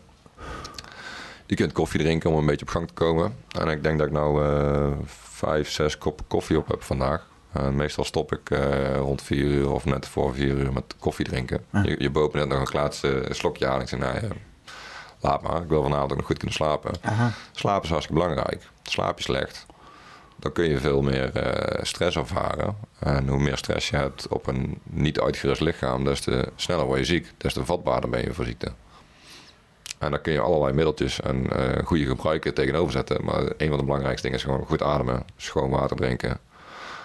En zorgen dat je eh, ja, zo min mogelijk stress toevoegt in je leven waar het al eh, aanwezig is. En dus ook goed slaapt. Goed slapen is hartstikke belangrijk. Goed slapen, goed ademen, goed water drinken. En de rest is bijzaak. Af en toe eens een keer wat eten. Eh, contact met de natuur. Ik bedoel, eh, je kan nog zo goed liggen, liggen ademen in een afgesloten kamer waar geen, geen daglicht, daglicht is ook super belangrijk. en, daar, en daar dan niet te veel van. Het biologische ritme wat mensen ooit hadden toen er nog geen kunstlicht was. En toen mensen nog eh, als jagers-verzamelaars in kleine communities leefden van eh 40 tot 60 mensen, bij van. Wat het grootste deel is van onze evolutie. Ja, ja, absoluut. hè. Dan kijk je naar de evolutie. Ja, wa- wat is evolutie? Eh, ik zou bijna zeggen dat we nu in een tijd leven waarin er een devolutie is. Ja. Mensen, mensen zijn steeds meer mensen en steeds meer dan dier. Ja, want het, is, lijkt, het is sowieso wel een beetje eh, z- zo'n samenleving creëren, een maatschappij creëren, zeg maar, een kolonies en dan uitbouwen tot steden en die hele shit, zeg maar, dat dat eigenlijk rechtstreeks tegen onze natuur is. Weet je, want landbouw is eigenlijk tegen de natuur en eh, eh, eh, huizen bouwen is tegen de natuur. Het is allemaal eh, dingen creëren die kunnen vergaan, zeg maar. Die, die dan tijdelijk zijn, die dan onderhoud nodig hebben, wat heel veel werk kost, allemaal weer nieuwe problemen veroorzaakt. Eh, en we zijn zo ver daarin, we hebben daar zoveel lagen de afgelopen 7000 jaar overheen gelegd, dat wat wij aan het doen zijn, de problemen waar we ons bezighouden, dat heeft niks meer te maken met natuur, weet je wel. Oh, eh, bankrekening. Oh, eh, juiste eh, product. oh, ik, moet, ik drink Coca-Cola, geen gewone cola, weet je wel. Oh, ik moet een bepaald labeltje op mijn kleding dragen, maar anders, anders zie ik er niet uit. Dat soort dingen allemaal. Het, is, het, is, het heeft niks te maken met leven en dat soort zaken. En ondertussen dan vragen mensen zich af van... Oh, waarom heb ik kanker? En dan gaan ze nog steeds naar het werk, zichzelf helemaal stressen... om vervolgens een beetje McDonald's te blijven vreten... en zichzelf in stand te houden. En vooral inderdaad eh, vaccineren, niet ziek worden, doorgaan. Ehm, Maar is het dan zo dat als je je vaccineert dat je niet ziek wordt? nou, nee, ja, nou, ik, ik heb... Mijn, mijn, Weet ik niet. Mijn, Dus- mijn, mijn, mijn moeder die heeft een, eh, eh, eh, een vierde vaccin genomen. Hè? En, eh, eh, ja, ik, nou, ja, fijn. Hè? En ze zei van, eh, ja, ik, ik heb elke keer dat vaccin genomen en ik werd daardoor niet ziek. Ik zei, ja, maar dat, dat hoeft toch helemaal niet door dat vaccin te komen? Het kan toch gewoon zijn dat je niet ziek wordt? Wel, Mhm. mensen- ze stelt dat dan niet op de proef. Zij heeft zoiets van, ja, weet je wel, ik heb hier een brief liggen, overheid vertelt me dat en dan huppakee, weet je wel. Sterker nog, misschien is zij, eh, of zij, misschien net als heel veel andere mensen, zijn misschien wel gewoon besmet geraakt. eh, asymptomatisch. Hebben daardoor een weerstand opgebouwd. En worden gewoon niet ziek. Nee. En dan neem je het vaccin als extra. Voor zover het extra niet ziekmakend is. Eh, je hebt ook mensen die worden ziek van het nemen van een vaccin. Ja, maar dat hoor je ook heel veel mensen die helemaal niet goed worden van een vaccin. Ja, kijk, en dan is het, eh, dan is het van die systemen die we hebben ingericht. Hè. Je hebt het LAREP in Nederland en eh, je hebt verschillende andere instanties die houden dan bij hoe mensen ziek worden van het gebruik van middelen, zoals medicijnen of eh, medische hulpmiddelen. Dat mensen daar dus problemen mee kunnen krijgen. En dat wordt netjes bijgehouden, zou je zeggen. Maar heel veel mensen weten helemaal niet precies hoe dat werkt. Eh, mensen mogen zelf eh, meldingen maken in dat systeem. Eh, het is van belang dat er dan zorgmedewerkers zijn of, of doktoren, de mensen die in de zorg werkzaam zijn, dat die bijwerkingen goed worden vastgelegd.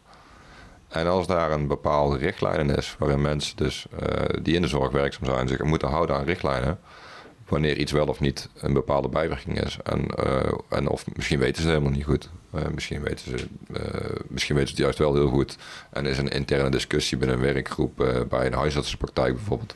Dat op een bepaald moment de huisarts, huisarts A of huisarts D het niet met elkaar eens zijn. Maar dan binnen die werkgroep wordt er wel of niet een discussie gevoerd. En dat, dat, dat horen wij niet in de maatschappij. Ja. En, ehm, Ja, die discussie, dat was ook wel een beetje discussie, kwalijk. dat, die dat, is een van de dingen, daar heb ik, daar heb ik het meest aan geërgerd. Ja, want die discussie mocht niet in het openbaar gevoerd worden. Nee. Nou, ja, vooral niet in de media. Als jij het op, kijk, als ik eh, jou op straat was tegengekomen en jij was maar voor mij een willekeurig eh, onbekend persoon geweest, had ik prima met jou kunnen discussiëren. Mits, hè, op voorwaarde dat eh, ik eh, anderhalf meter afstand van jou hield. Want er zou, oh weet, er zou maar een politieagent voorbij komen, die ziet dat wij te dicht bij elkaar staan. En die ziet dat wij niet in hetzelfde huishouden we, we woonachtig zijn. Ja. Want dan, als je in hetzelfde huishouden zit, dan mag je wel bij elkaar in de buurt komen. Ja. Want dan adem je dezelfde lucht in.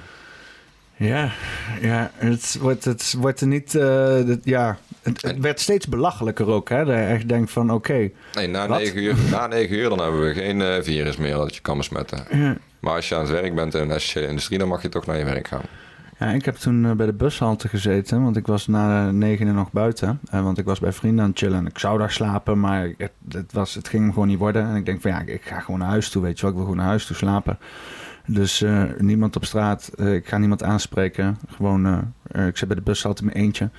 Stopt er een politieauto en die hangt aan het raam. Ik zeg, wat doe je op straat? Wat, wat, wat doe je? waarom ben je nog buiten of zo? Ik zeg, ik probeer naar huis te gaan. Ja, eh, je weet dat je niet buiten mag zijn na negen uur. Ik zei, ja, ja, maar ja, ik moet toch echt naar huis toe. Eh, zei ze van, zaten ze elkaar zo aan te kijken. Weet je wel, ik denk, het zou toch niet ze zijn dat ze... ze bleven maar staan. Er kwam mijn bus eraan. Ik zo, mijn bus komt eraan. Meneer de Gaant, mag ik alsjeblieft naar huis toe? dus ja, ja, ga maar, weet je wel. Maar ik was wel echt, ik was pissig, jongen. Ik denk, ho- ho- hoezo? Wat doe je nou? Hoe, weet je wel, het is niet alsof ik in een groep mensen was of dat ik daar eh, iets aan het doen was. Wat, wat, weet je wel, ik was gewoon in mijn eentje. Eigenlijk zou inderdaad, eh, eh, als ze zouden stoppen en zeggen van, het is avond, je bent je bewust van dat het avondklok is, weet je wel. En dat ik dan had gezegd van, ja, maar ik probeer gewoon naar huis te komen. Dan, oké, nou, fijne avond, weet je wel. Dan had ik prima gevonden. Hè? Dan, was ik, dan had ik gezegd van, oké, dit is een redelijke... Hun proberen ook te dealen met de situatie. Maar het was meteen eh, embleempje op de schouder, petje op, weet je wel, uniform aan. Wat doe je nog op straat, weet je wel? En ik denk van, oh man, dit, het was nog geen, het was de derde dag van die regel. Die mensen waren meteen al een stelletje be- be- gevangenisbewakers, hè? tegen, tegen gewoon, ja, ik, ik, ik ben gewoon volk, ik ben gewoon burger. het, is- het is gewoon gevaarlijk om dat soort dingen... Maar als het woon-werkverkeer is, dan mag het wel. Ja, ja, Want sociaal verkeer mag niet, want we willen zo min mogelijk sociaal contact. Dat was de, dat was de zaak. Hm. Ja, we wilden zo min mogelijk sociaal contact, zodat mensen elkaar niet konden besmetten. En dat we dus de besmettingscijfers laag konden houden. Eh, maar min mogelijk is geen geen. Nee, klopt. En eh, ja, als ik eh, destijds, ik, ik heb een paar keer gehad dat ik voor mijn werk eh, buiten de avondkloktijd weg ben geweest. Heb ik netjes een formuliertje ingevuld voor het geval dat ik aangehouden zou worden. Dat mensen mij zouden vragen, waarom ben je hier? Nou, ik werk als zelfstandige, dat, dat heb ik als werk gedaan, daarna ben ik geweest. Ik kan prima verantwoorden. Maar ik vraag me wel af in hoeverre dat bijvoorbeeld eh, maatschappelijk probleem. eh, we, hebben, we hebben dieren die op straat leven, waaronder honden. Die worden bij een asiel eh, gedropt. Op het moment dat, eh, dat honden zwaar eh, leven op straat hebben, dan, eh, dan kunnen ze opgenomen worden door een asiel. Er zijn vervolgens mensen die denken: hé, hey, we hebben een avondklok, maar je mag na 9 uur wel naar buiten als je de hond wil uitlaten. Dan neem ik een hond. Ja, want als je... En wat zien we nu? Eh, er is geen avondklok meer. Eh, die mensen die zijn die hondbeu en die, komen, die honden komen weer allemaal in het asiel. Ja. En dat, dat, dat, dat zou een gevoelige plek zijn van mijn vriendin. Die, eh, die heeft dan zoiets van: honden zijn hartstikke lieve dieren, die hebben daar helemaal niet om gevraagd. Maar wat doen we dan met dat probleem? En dan- dan hoop je toch dat dus nu de overheid een beetje heeft uitgefigureerd van oké, dit gaan we dus niet meer doen. We gaan niet meer avondklokken en lockdowns doen. En we gaan juist eh, proberen om eh, te investeren om dat te voorkomen. Maar Nou ja, kijk, de overheid is een hele grote noemer. Eh, ik zou denken, meneer Ernst Kuipers, Ja. dokter Ernst Kuipers, dat is een ernstige zaak. We zitten met z'n allen samen in dezelfde badkuip, bij wijze van spreken. Eh, ik, ik zou heel graag zien dat hij eh, de, de beslissing terugdraait om eh, een digitaal paspoort te hebben in, in Europa. ja, ja toch wel. Waarom? Omdat ik als ik, als ik graag eh, de grens over wil gaan, al niet met een vliegtuig, iets wat ik heel zelden doe, omdat ik zoiets heb van ja, hoe minder brandstof opstoken om ergens in een ander land te gaan zijn, des te meer besparen we de aarde de moeite om het probleem op te lossen. We hebben een fossiele brandstoffenprobleem, we hebben een energieprobleem. Als het even kan, eh, laat mensen gewoon reizen wanneer ze kunnen en willen. Maar hou je dan wel aan de, eh, de, de bestaande conventies. Eh, we hebben een EU waarin we vrij mogen reizen. Heel typisch voorbeeld. Ik had wel rubbertjes nodig om een espresso-machine te onderhouden. Die worden ergens bij de grens tegengehouden, want die hebben een registratienummer nodig. Hoezo? Dat was nooit zo. Alles wordt geregistreerd, alles wordt getraceerd. Waarom? Daar zal iemand baat bij hebben. Eh, een jaar of zes, zeven geleden geloof ik eh, was big data was een, eh, een trend waarin gruwelijk veel geld werd geïnvesteerd en, en, en verdiend ook inmiddels, denk ik. Nou, er wordt inmiddels big data veel ingezet, ja. Ja, kijk, en, er zijn mensen die zeggen, je mag alles van me weten, behalve mijn pincode. In principe is overal waar ik mijn pincode gebruik, is er voor mij een, eh, een, een spoor om na te gaan wat ik gekocht heb op welke plek. En met die informatie kunnen mensen eh allerlei marketing toepassen op mijn gedrag. Hm. En heel veel vormen van marketing ben ik me niet van bewust. Je hebt het altijd over long-term marketing. Met betrekking tot uh, Senseo en Espresso en, en dat soort dingen. Kijk, ik weet niet of het een goede zaak is. Hè, goed en slecht, duaal, of de dualiteit waar Marlijn het gisteren ook over had. Ja. Ik vraag het me af. Dan mag ik gewoon mens zijn, alsjeblieft. Ja, want dat wordt je wel een beetje ontnomen zo. Hè? Alles wordt. eh, ik had laatst had ik, eh, had ik alles moeten. Vooral in Nederland zijn we daar koning in en alles optimaliseren. Het lijkt wel een beetje alsof we in een pakhuis wonen inmiddels. Hè? Al onze levens moeten optimaal uitgestippeld zijn voor onszelf en in het grote geheel. En het beste is als je gewoon eh, precies acht uur slaap, acht uur werken en acht uur privé-tijd inlast. En in die acht uur privé-tijd moet je dan maar gewoon je was doen, je eten koken, je huis opruimen. Ehm, en, eh, en, en daartussen boodschappen moet het allemaal... Ja, boodschappen doen inderdaad. In de file staan. eh, de hele reutemeteut. Eh eh het moet allemaal helemaal dichtgemetseld zijn. Hè? En dan heb je inderdaad het weekend om geforceerd jezelf te, te recreëren. En dan, hè, Op dus plekken waar ook heel veel mensen dat allemaal tegelijk aan het doen zijn. precies op die dagen. Ja, ja. Het, is, het, is, het, is, het is zo optimaal dat het niet meer optimaal is. En het heeft, en het heeft helemaal niks meer te maken met, met, met leven. Weet je. Ik ben gewoon organisch. Over, ik voel al sinds mijn twaalfde weerstand op die maatschappij. En op school en op werk. En dat ik denk van waarom de fuck, weet je wel? Zijn we dit aan het doen? Eh, en waarom moet ik dit doen de hele tijd? En in het begin dacht ik van ik zal wel gek zijn. Maar ik begin steeds meer te, te, te eh, ondervinden dat mijn eigen wijsheid gewoon mijn echte natuur is. Hoe het hoort te zijn. En ik moet op een of andere manier daarheen omheen frummelen om in deze maatschappij te passen, zeg maar, weet je wel. En ja, je ziet dat wel met digitale ontwikkeling dat het steeds meer kan. Met bijvoorbeeld digitale nomaden. En dan ben je in ieder geval niet locatiegebonden en ook eigenlijk nauwelijks tijdgebonden online werken. Daarom in die pandemie online werken denk ik, ha, dat is weer een stap dichterbij mijn organisch zijn. Weet je maar dan ben je dus wel gekoppeld aan al die apparaten, maar aan het schermpjes, aan de batterijen, aan de straling en weet ik veel wat er alle allemaal niet bij komt. data, alle data die heen en weer gaat. Ook de data, ook hoe je geregistreerd wordt en zo door, eh, door dit soort grote bedrijven. En die grote bedrijven die ik nodig heb. Want ik ben bijvoorbeeld als online marketeer ben ik gebonden aan Google. Ik kom niet om Google heen. Ik moet Google gebruiken, want alles gebeurt op Google. Eh, als je niet op Google zit, dan besta je niet als bedrijf, bij wijze van spreken. Dus eh, eh, dat in ieder geval online. Dus, dus ja, dat soort dingen, dat, het, komt allemaal wel met een nadeel. Maar als ik dan terugkijk in de geschiedenis, denk ik van ja, hè, dat, dat boerenleven, dat, dat, dat, dat van hele gestructureerde. Eh, eh, dat is ook niet per se natuurlijk. Weet je wel? Dat, eh, om- boerenleven is ook iets wat is ontstaan. ja, maar dat is. Maar ja. dat is wel op een veel natuurlijke manier ontstaan dan het digitale, online en... eh, Ja, maar, ja, maar ze hebben zeg maar het, het, het werkleven, het, het, eh, het, het werkleven, ook van de, de, de, de kantoor, maar ook het werkleven, hebben ze allemaal gegoten in die, in die, in die oude boerenstructuur. Van, van, van overdag werken, eh, in de vooravond eh, eh, eh, eh, je ding doen en dan slapen en dan weer vroeg op werken, zeg maar. Die, dat ritme. Hè? Eh, want vroeger gingen mensen ook gewoon fucking op avontuur dan, of jagen of plunderen. En dan ging je gewoon en dan ging je slapen wanneer het tactisch was of wanneer je met de groep klaar was. Weet je wat, het was gewoon organisch leven. Maar nu is dat dan allemaal uitgestippeld, omdat je met boeren ben je ook ge- gebonden aan bepaalde tijdshè. Omdat we agricultuur gingen doen, hadden we in één keer een of andere klok in het dorp staan. Of weet ik veel, een of andere bel die zei, yo, het is, het is tijd, weet je wel. Voor whatever the fuck. En toen was het nog zo zonsopgang, zonsondergang. We zijn dat steeds kleiner gaan doen, totdat we nu digitaal op de milliseconden zo keu- nauwkeurig eh, leven, weet je. Dat werknemers zeggen, hey, je bent 30 seconden te laat. Hè, dit is nu al je derde keer. Als je nog één keer te laat komt, ben je ontslagen. Nee, dat, ik, die druk die ik... Ik dacht, ik kan helemaal niet mee leven, joh. Ik kan er niet op de seconde nauwkeurig... Er gebeurt shit, weet je wel. Ik, ik kan, ik kan toch niet elke dag fucking presteren om op tijd te komen. En ik wil best compenseren. Als ik later kom, ga ik later weg. Weet je wel, als ik daar ben, heb ik alles onder controle. Maar als ik er nog niet ben, heb ik geen controle erover. Dus hoe kunnen mensen verwachten dat ik die niveaus van punctualiteit haal, weet je wel? Er zijn mensen die dat hartstikke kunnen, die zijn helemaal into. En die vinden dat ook fijn. Maar, maar, maar ik heb er altijd een weerstand tegen ervaren. Je, hoe ervaar jij dat dan, tijd en zo, en punctualiteit? Ze zaten daar in principe vanmiddag ook mee te worstelen. Ja, ja, ik vind, ik vind ik, ik- het is eh, een stukje van het. eh, ik, had het over Nederlands spreken met elkaar en de Nederlandse maatschappij. Het is iets typisch Nederlands. Eh, misschien is het in Duitsland nog iets erger. Ja. Dan gaat de bel en dan moet je maar weer, dan is je pauze weer bij. Eh, ik, ik ben van mezelf gewend. Ik, tijdens mijn werk, eh, als ik voor mezelf bezig ben, dan is er niet per se een, een, een, vastgesteld moment waarop ik begin of waar ik pauze neem. Maar dan luister ik naar mijn lichaam. En als ik met collega's werk, terwijl ik ergens op een werkplek, op een locatie bezig ben, dan wordt er van mij verwacht dat ik op tijd ben. sta ik een keer in de file, dan kan het zijn dat ik wel later kom. Dan, dan wordt dat, mits hè, dat, dat het niet te vaak gebeurt, dan wordt dat geaccepteerd.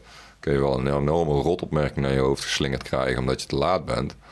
Maar als dat niet de derde keer is die week, eh, dan, dan kan dat geaccepteerd worden. Omdat je menselijk, op menselijke basis met elkaar samenwerkt. Ja. Maar als ik ergens moet zijn en ik moet een koffiemachine op tijd aan staan. En dan moeten mensen koffie komen drinken. En ik ben degene die daarvoor verantwoordelijk is. Dan willen die mensen koffie. Punt.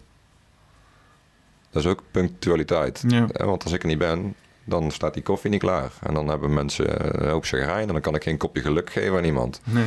Zorgen dat ik een kwartier eerder vertrek. Dan ben ik wel op tijd. Ja, want het stomme is Maar als dat er, ik- als er tien minuten, eh, niet in, een kwartier eerder waarin ik vertrek, eh, dat ik eerder vertrek en ik heb eh, binnen de tien minuten daarvoor gebeurt er net een ongeluk op de snelweg en ik moet naar Utrecht toe, dan heb ik pech. Ja. Ja, dan kan ik nog een half uur eerder vertrekken. Ja, dan sta ik voor een gesloten deur als ik op mijn werk aankom. En dan? Ja. Ja, dan, dan ben je netjes op tijd. Maar dan ben je wel elke dag nog een half uur extra van je tijd kwijt. Dus dan gaat van die eh, acht uur eh, vrije tijd af. Of van je acht uur slaap. Ja. Ja, nee. Het houdt ergens een keer op natuurlijk. Het, het, het is. Het, het is, ja. Ja, ik, ik, vind, eh, want ik vind het ook gewoon, ik vind het ook gewoon fijn om op tijd te zijn. Weet je, ik vind het niet fijn om te laat te zijn. Het geeft rust om een afspraak op tijd Ja, ik ben ook zo vaak, zo vaak te laat gekomen op plekken. En dat vind ik dan echt niet leuk. Maar ja, het gebeurt nou eenmaal. En dat- nu probeer ik dus inderdaad ook alles. Als ik, vooral als ik een afspraak heb. Als ik gewoon een, een goede afspraak heb met iemand duidelijke tijd... dan ben ik daar gewoon op tijd. Hè? En Mhm. Tegenwoordig kan je één... Als ik denk van oeh, dit wordt een eh, gevaarlijke rit. Ik weet niet wat er allemaal kan gebeuren. Dan hou ik gewoon een half uur marge. Dan ga ik Mhm. daar wel eerst eten of niet. Weet je wel, dan heb ik in ieder geval nog dingen om op in te leveren. Maar eh, ja, eh, soms ook met vrienden of zo, of met jou, met, met, met mensen dat je gewoon denkt van hé, hey, we kijken wel. En dan proberen we dat te puzzelen op die dag. Ja, dat moet, ook, dat moet ook gewoon kunnen. Hè? Je moet ook, dat is ja. Ik weet niet. Eh, en dan als het niet gebeurt, dan, dan, dan moet je dat op een of andere manier. Ik, ik, ik, ik doe me dat ook nog wel. Ik, ik zei toch tegen jou van, eh, ik heb een beetje poppenkast-trauma's, zeg maar. eh. Ja, dat las ik Ja, ik, ik, bericht. ik krijg dan meteen zo'n flashback van een paar keer dat dan iemand mij heeft laten zitten, weet je wel. En ik, ik, ik word daar dan boos van, omdat ik dan zoveel moeite doe investeren om dan op tijd te komen. En als dat dan niet materialiseert, dan word ik er boos. Maar dat ligt eigenlijk helemaal niet aan die persoon. Zo Dat- verwachtingsmanagement. dat- ik zit daar allemaal dingen. Ik heb laatst ook contact eh, opgezocht met, eh, met, eh, met eh, anderen, met In The War. Ik had ook een klein akkefietje met hem, gewoon omdat het hem niet ging lukken om te komen. En het was een beetje miscommunicatie, waardoor ik wel op hem stond te wachten. Ja, en dat is ook een soort van dan doodgebloed. En hij, hij, hij, hij schaamde zich er dan voor, omdat hij dacht van... nou, ik fuck het, Oh, laat ja. maar, weet je wel. Eh, eh, en- ik had zoiets van, ja, nu laat hij maar hangen. Wel? En dan, dan pak ik dat dan ook niet op, omdat ik dan gekwetst ben, weet je wel. Maar ik, la- laatst heb ik dat weer opgepakt. Even naar hem gestuurd van, hey, dit en dat. Eh, hij ook zo van, weet je wel, heeft verteld van dit en dat. Ik denk ook van, ja, uit- uiteindelijk... Je maakt het zoveel groter in je hoofd, weet je wel. Je maakt er zo'n verhaal van en je bent meteen op je ego getrapt... omdat je denkt dat mensen je in de steek laten en shit. Terwijl, ja, er kan gewoon een hoop shit gebeuren. Als je, ja. en, en die lading, het grappige is, die lading die voelde hij dus al. Bij, bij, mij of zo. Waarschijnlijk omdat ik zoiets had van... eh, stuurde van, hé, ik sta bij het station, ben je nou? Of zo, weet je wel. En hij had er meteen zoiets van, nou, hel nou, ik ga niet deze confrontatie aan. Allemaal zoveel gewichtigheid over een tijdstip, hè, over, eh, over een afspraak. Terwijl wij allebei waarschijnlijk zoiets hebben van... wij, willen niet punctueel zijn, maar toch doen we dat dan of zo. Of, en dan hangen we zoveel... Ja, is het milieu. Kijk, het, milieu bepaalt. Het milieu bepaalt. En eh, kijk, wij hebben ook wel eens van die... eh, tenminste, ik, ik was onderweg naar Peru. Waar ik ook koffieplantages en cacaoplantages mocht bezoeken. Heel mooi initiatief. De overheid van Peru was er ook heel, op een hele goede manier bij betrokken, denk ik. Overheden doen niet alleen maar slechte dingen, eh, Peter. Dus Oh. ze, hebben, ze, hebben ook, ze hebben ook wel eens goede dingen. Wat? En, eh, ja. Nee, maar ik bedoel, eh, zoiets als subsidies voor bedrijven die, die dingen doen waar we met z'n allen als, als maatschappij van vinden dat het moet gebeuren, maar waarbij geen financiële prikkel is om iets direct te veranderen. Daarbij is het van belang dat de overheid daar een leidende rol in neemt, denk ik. Alleen wat wij allemaal, wat wij allemaal belangrijk vinden, dat is een heel democratisch systeem wat daarin functioneel zou kunnen zijn. Nou ja, Maar dat denk ik zou kunnen zijn, want ik weet niet precies of het democratische gestel waarin wij functioneel zijn, in hoeverre het functioneel voor jou en mij is. En dan, eh, menig libertariër, li- libertariër zou zeggen van... kijk, als iets geen, eh, geen economische prikkel heeft... dan hoort het niet te bestaan, zeg maar. Nee, Want dan is het nooit in staat om zichzelf te onderhouden. Ja, en eh, kijk dan naar die opmerking die ik net wilde plaatsen. Eh, Europeanen hebben de klok. En Afrikanen en Zuid-Amerikanen die hebben de tijd. Ja, en eh, kijk, ik, ik had vandaag de tijd. Op het moment dat ik met jou had gecommuniceerd, dat was, vanmorgen was er een, eh, een, een, communicatiemomentje van... hé, hey, eh, jij zegt, hè, dus doen we rond drie uur beginnen. Ik zeg, nou, mhm, dan ga ik mijn verwachtingsmanagement denken. Ik wil vanmiddag graag de hond uitlaten. Ik wil mijn vriendin zien als ik terugkom. Ik ben heel veel van huis weg geweest. Je zult ook een keer tijd voor jezelf moeten hebben als je jezelf omringt met mensen de hele tijd. En ehm, dan is het fijn thuiskomen als ik voor de spits kan rijden. Ja. Dus ik dacht vanmorgen rond een uur of tien, half elf, toen we het eerst contact hadden van nou, nou, dan ga ik hier even koffie drinken. Dan ga ik zo dat werk af, eens wat ik hier moet doen. En als ik dan klaar ben, dan kom ik jouw kant op. Dat zou wel eens tussen half één en half drie kunnen zijn dat, we, dat ik dan hier ben. Ik was ook om half drie. Hartstikke punctueel. Super, super trots op mezelf dat het gelukt is.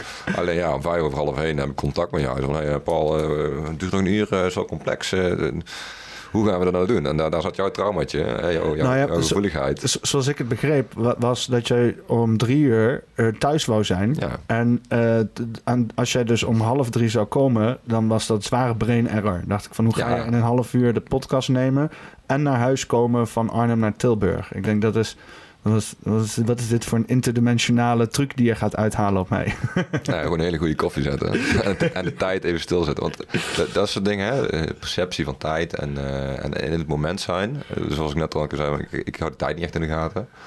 Sinds ik hier ben binnengekomen, eh, totdat we begonnen, hebben wij de tijd genomen om even samen hier te kunnen beginnen. Ja. Kopje koffie, even kijken van hoe gaan we dingen een beetje doen. Jij stond al startklaar. Zo van, eh, Paul, die moet tijd naar huis. Dus dan, eh, dan, dan gaan we alles zo snel mogelijk en zo goed mogelijk doen. En ik heb zoiets van, ja, eh, als we iets goed willen doen, dan moeten we de tijd nemen. Ja. Dus dan doen we dat. Ja. En de tijd nemen betekent dat, dat we er allebei een fijn gevoel bij hebben. in het tempo waarin het gaat. En dat we duidelijk met elkaar communiceren. Wat zijn de verwachtingen? Hoe gaan we het ongeveer doen? En nu zijn we, denk ik, eh, ik denk dat we, een, dat we het een kwartiertje, twintig minuutjes of zo over koffie hebben gehad. En de rest van de tijd hebben we het over Peter en over Paul en over wat, wat doet ons milieu nou eigenlijk? Hoe beleven wij de wereld eh, vanuit ons eigen perspectief? En, het, en hoe, daar delen we onze ervaringen in. Dat vind ik heel waardevol. Ik vind het ook heel fijn dat je de tijd voor mij neemt. Dus Ja. heeft ook niet iedereen altijd Niet alleen voor jou, maar ook voor de kijkers en voor de mensen thuis en voor de luisteraars. En eh, kijk, ik, ik, de- er is mij wel eens verteld dat ik een fijne stem heb om naar te luisteren. Oh, Eh, ik hoorde vandaag nog een keer iemand zeggen van ja, podcast moet je leren luisteren. Ja, en, jouw ik, stem is net zo dik als je koffie. ja, en ik kan, wel, ik kan me voorstellen dat er mensen zijn die graag eh, podcasts aanzetten om naar te luisteren, om lekker bij in slaap te vallen. En ik, eh, ik wil graag iedereen oproepen die lekker in slaap valt bij de podcast. Dat ze dan nog even een berichtje laten weten. Dan kan ik zorgen dat ze betere koffie krijgen. Zodat ze niet meer in slaap vallen, dat ze de podcast kunnen uitkijken. Voor de mensen die nu in slaap aan het vallen zijn, wel trusten. Oogjes dicht, snaveltjes toe. Lijkt dat op een schaap of meer een geit, hè? Ja, dat is ook niet. Ja, maar jij hebt dus wel nog inderdaad dingen opgeschreven. Heb je, je daar al op ingegaan? Nou, eh, nee, maar je had een video aangezet. Ja. Dat ging Eh, die ging over koffie en Rwanda. En ehm, een van de dingen die, ik, die me daarin opviel in de video was... Roasting coffee, it's the happiest in the world. Of it makes me the happiest in the world. Vond ik een hele sterke. Want eh, als ik koffie aan het branden ben, hoe, hoe, hoe kleinschalig of hoe grootschalig dan ook... ehm, het branden van koffie is eigenlijk een soort van alchemie. Je verandert iets groens, een natuurlijk product, in eh, het zwarte goud. Dus de, de alchemist van, eh, in mijn beleving van nu, is iemand die een natuurlijk product weet om te vormen naar iets wat van onschatbare waarde is. Want heel veel mensen, niet alleen in Nederland, maar eigenlijk in de hele wereld, doen hun best om elke dag weer die strijd aan te gaan met de maatschappelijke eh, verwachtingen en eh, status hoog houden en eh, resultaatgericht werken. En in Europa is dat dan iets anders dan, dan in andere delen van de wereld. Maar zonder koffie zou het bij heel veel mensen niet lukken om, dat, om daaraan te voldoen. Dat hebben ze gewoon nodig, een stukje verslaving.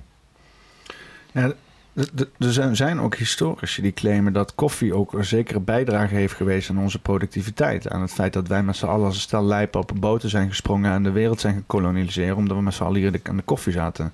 Ja, het is natuurlijk eh kip-ei-syndroom, want die, die schepen die brengen de koffie terug, maar dat het dan een soort van eh, een, visieuze cirkel was van kolonialiseren, stimulerende middelen mee terugnemen, nog opgepepte raken in de maatschappij, nog meer ambitieus worden.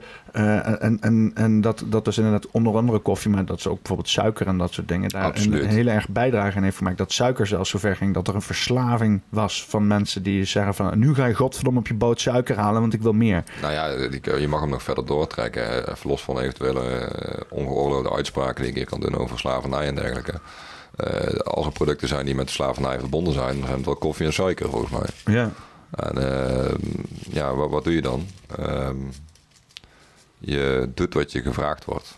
Of je doet wat je gezegd wordt. Want anders dan, en dan consequenties. Eh, het feit dat er eh, de, de oudere generaties in Rwanda geen koffie drinken, omdat ze dat niet geleerd hebben dat dat iets is wat ze, wat ze goed kan doen. Eh, los van het aantal oxida- antioxidanten wat er in, in koffie kan zitten als het een vers product is.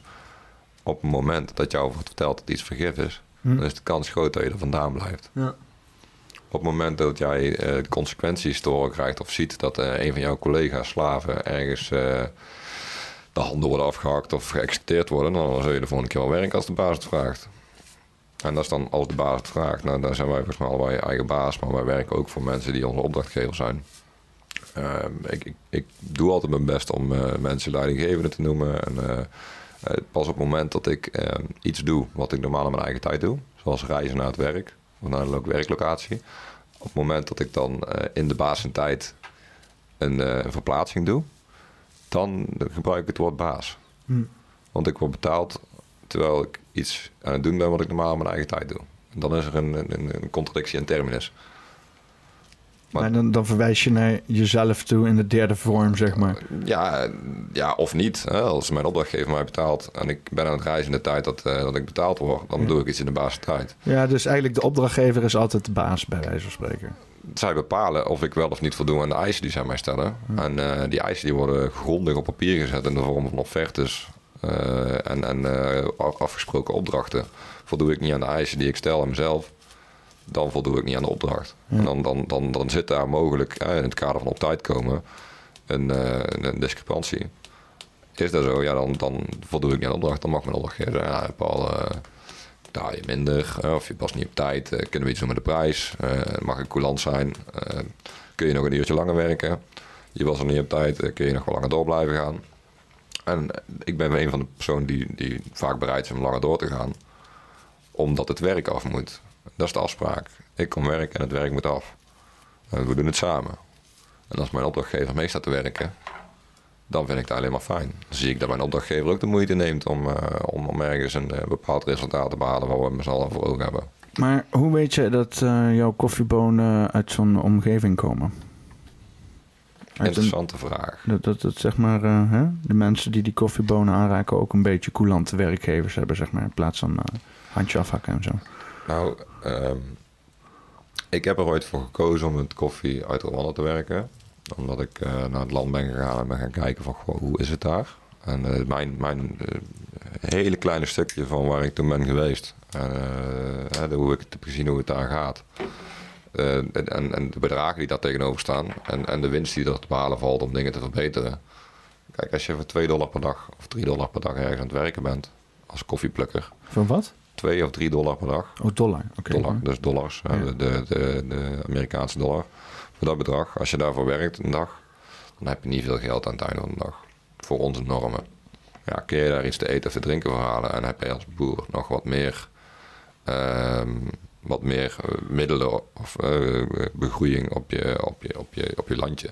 Dan kun je zelf je eten verbouwen en dan kun je misschien met, eh, met die paar dollars die jij dan verdient, een, een tank gas kopen om te kopen, eh, op te koken. Want gas moet je toch ergens gaan kopen. Ja. Dat, dat, dat kun je niet zo even, zeg maar, daar in ieder geval niet, niet even uit de kraan. Eh, je, geen, je, eh, je maakt een vuurtje en dan ga je op koken. Of je hebt een vuurtje op een gasfornuis. En een gasfornuis, dan moet ook een gasleiding naartoe lopen. En de infrastructuur in, in, in, andere landen waar eh, koffie geproduceerd wordt... die is zeker niet zoals wij hier in Nederland eh, kennen. Dat je de kraan opendraait en dat je drinkwater hebt. Ja. Of dat je de gaskraan opendraait en naar de verwarming aangaat. Of de kraan van de verwarming, de cv-ketel. Dat is niet. Een boiler. Ja, een boiler. CV-ketel, ja. CV-ketel. Dat, het werkt allemaal. Maar eh, kijk, Dus, maar water, water moeten ze dan ook aan watertank op het dak hebben en zo. Die dan Ja. bijgevuld moet worden en dat soort... ja. Kijk, eh, als je bij een coffee collection point bent of bij een, eh, bij een washing station, Uh-huh. daar loopt geen waterlijn naartoe. Er zal misschien wel een beekje in de buurt zijn waar eh, water van natuurlijke oorsprong eh, doorheen sijpelt en wat gebruikt kan worden om afvalwater eh, of, of schoonwater aan te voeren en afvalwater af te voeren. Maar ja, dan ga je ook weer afval storten op de lokale ecosystemen en hydrosystemen. Ehm, heb jij water nodig om een bepaalde activiteit van je proces uit te voeren? Dan zul je dus water moeten aanvoeren. En dat staat dan vaak in een grote tank die op hoogte staat waardoor je waterdruk hebt. Ja. Oftewel de watertoren, zoals we die in veel grote steden ook nog steeds zien, Ja. als monument. En watertorens zijn er ook om mensen te voorzien van water in geval van nood. Ja. En het werkt zonder stroom. Ja, want het werkt met waterdruk, omdat zo'n zo'n zo'n eh, container, eh, een vat, dat zit op hoogte. En het water wordt er naartoe gepompt. Maar zodra er iets mis is met de wateraanvoer in het, eh, in het, in het systeem in de stad, eh, stel de stad Ja, aan. ik ben hier fucked als hier de waterdruk wegvalt, want dat wordt gewoon van beneden naar boven gepompt. Ja, dan ga je En met eh, water aan naar ben ik- beneden. ja, dan moet ik... dan moet ik Tot de is derde of vierde verdieping. Of misschien is er nog ergens een waterdrukverhoger in het pand aanwezig die dan aan kan. Wat is een waterdrukverhoger? Ja, eigenlijk in is uh, simpele termen een pomp die, eh, die, die water de druk verhoogt. Maar Dus, je moet toch op elektriciteit lopen? Ja, maar als het water uitvalt, wil niet zeggen dat de elektriciteit ook is uitgevallen. Oh, het water uitvalt. Ja, water kan uitvallen. Als een waterzuivering stopt met functioneren omdat er een eh, verontreiniging in het water terecht is gekomen. Eh, Of een hek. ja, ja, kijk, eh, de, slapende honden, of, hè, slapende honden wakker maken. Was het ook weer? Je wil geen slapende honden wakker maken. Ja, kijk, eh, op het moment dat wij hier in Nederland met allerlei eh, verouderde systemen werken, die nog op Windows XP draaien of ouder, die heel makkelijk te hacken zijn. Eh, denk aan sluizen, denk aan misschien wel de kleppen in een waterpomp of in een watertoren. Als iemand daarmee kwade wil heeft, daar, daar, daar zijn heel veel risicovolle systemen nog in Nederland die nog steeds draaien. En ik, ik vermoed wel dat de laatste tien jaar veel veranderingen zijn geweest. Er zijn allemaal veranderingen die via waterschap werken. Waterschap, de Dommel denk ik dan bijvoorbeeld aan vanuit vroeger. eh, ik ben opgegroeid in Best. Daar heb je waterschap de Dommel. En er gebeuren hele mooie dingen. Ja? Ja, dat weet ik. En dat- daar zal misschien nog wel een keer iemand over komen kletsen hier. Die was er ook bij. eh, een goede- vriend van ons. Die zult, die zult hem ook zien met het, eh, met het weekendje camping poppenkast. Oh ja, Maar eh, 23 juli. ja, 23 juli. Ik denk dat het gezellig zal zijn. Dan kunnen we samen koffie drinken. Ja, koffie door Paul. Als je zo nieuwsgierig bent naar zijn koffie, dan moet je daar... eh, dan moet je sowieso komen. En hem gewoon mailen en bellen. Moet zo even, even, even... Heb je een website? Gewoon je Instagram, hè? Ik ben digitaal vindbaar. Ja? En, eh, jawel, jawel. En, eh, ik, ik, eh, ik hou die berichtboxen niet zo heel voorbij. Ik heb e-mail. Bruwanda gewoon. Ja, Bruwanda. Bruwanda.nl. BREW. Nee, ja, Bruwanda.nl die heb ik nog wel in de kast liggen volgens mij. Bruwanda.com en Bruwanda.coffee. Maar die zijn niet allemaal even goed online hoor. Bruwanda.coffee. Ja, Is dat een ding? ja maar of die, nu, of die het nu nog doet, dat is een goede vraag.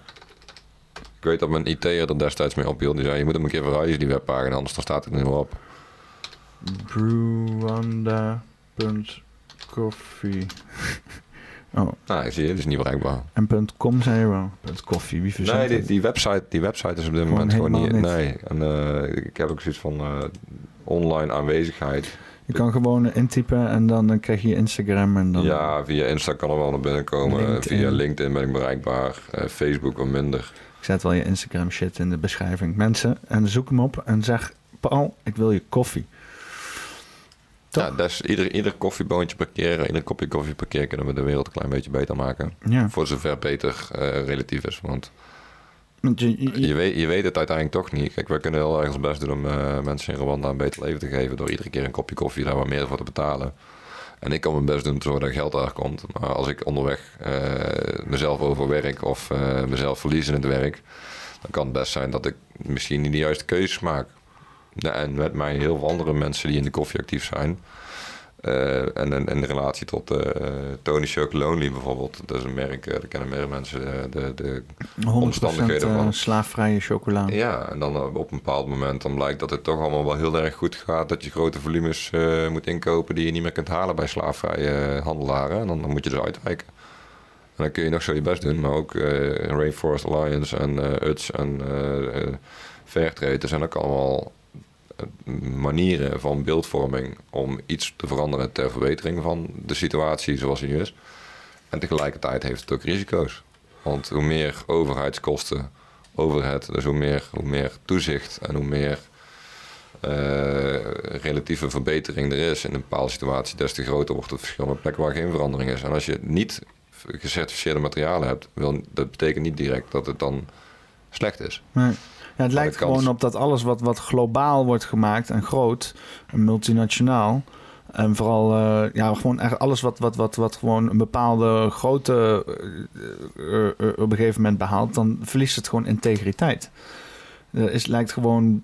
Ja, want hoe, als je zegt van dan heb je zelfs Tony Chocoloni, eh, die inderdaad helemaal over de 100% vrij, slaafvrij chocola is. En die moet dan een bepaalde oplages leveren bij ze zeggen van ja, dan kunnen we het vanaf hier niet meer garanderen. Ja. Eh, eh, waar, waar hebben we het dan over? Dan, dan loop je toch ook tegen een max aan van een systeem. Dan wil je toch Mhm. gewoon eigenlijk zeggen van waarom produceer je zoveel, weet je wel? Moeten we dan gewoon niet minder produceren op een of andere manier?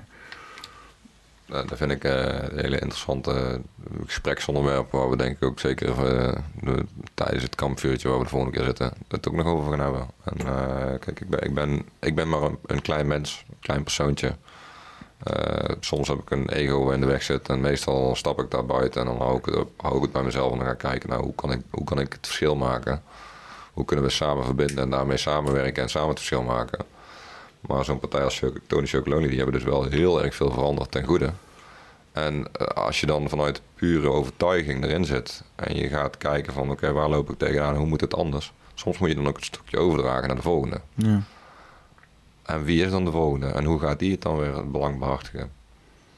Eh, Wat mij betreft, hè, eh, om maar even buiten de box te denken, wat mij betreft zouden wij een eh, sustainability manager kunnen hebben die topman van KLM wordt. Maar gaan we dan nog wel vliegen of doeken we de KLM op? Ja. Ja, sorry jongens. eh vliegveld is eh, gesloten en we, gaan, hebben besloten om eh, de klimaatdoelen te gaan halen. Tot eh, 2040 gaan we niet meer vliegen. Dan gaan we geen kerosine meer uit de grond halen. in de vorm van ruwe olie. Die gaan we niet meer verwerken. En iedereen gaat voortaan met de fiets.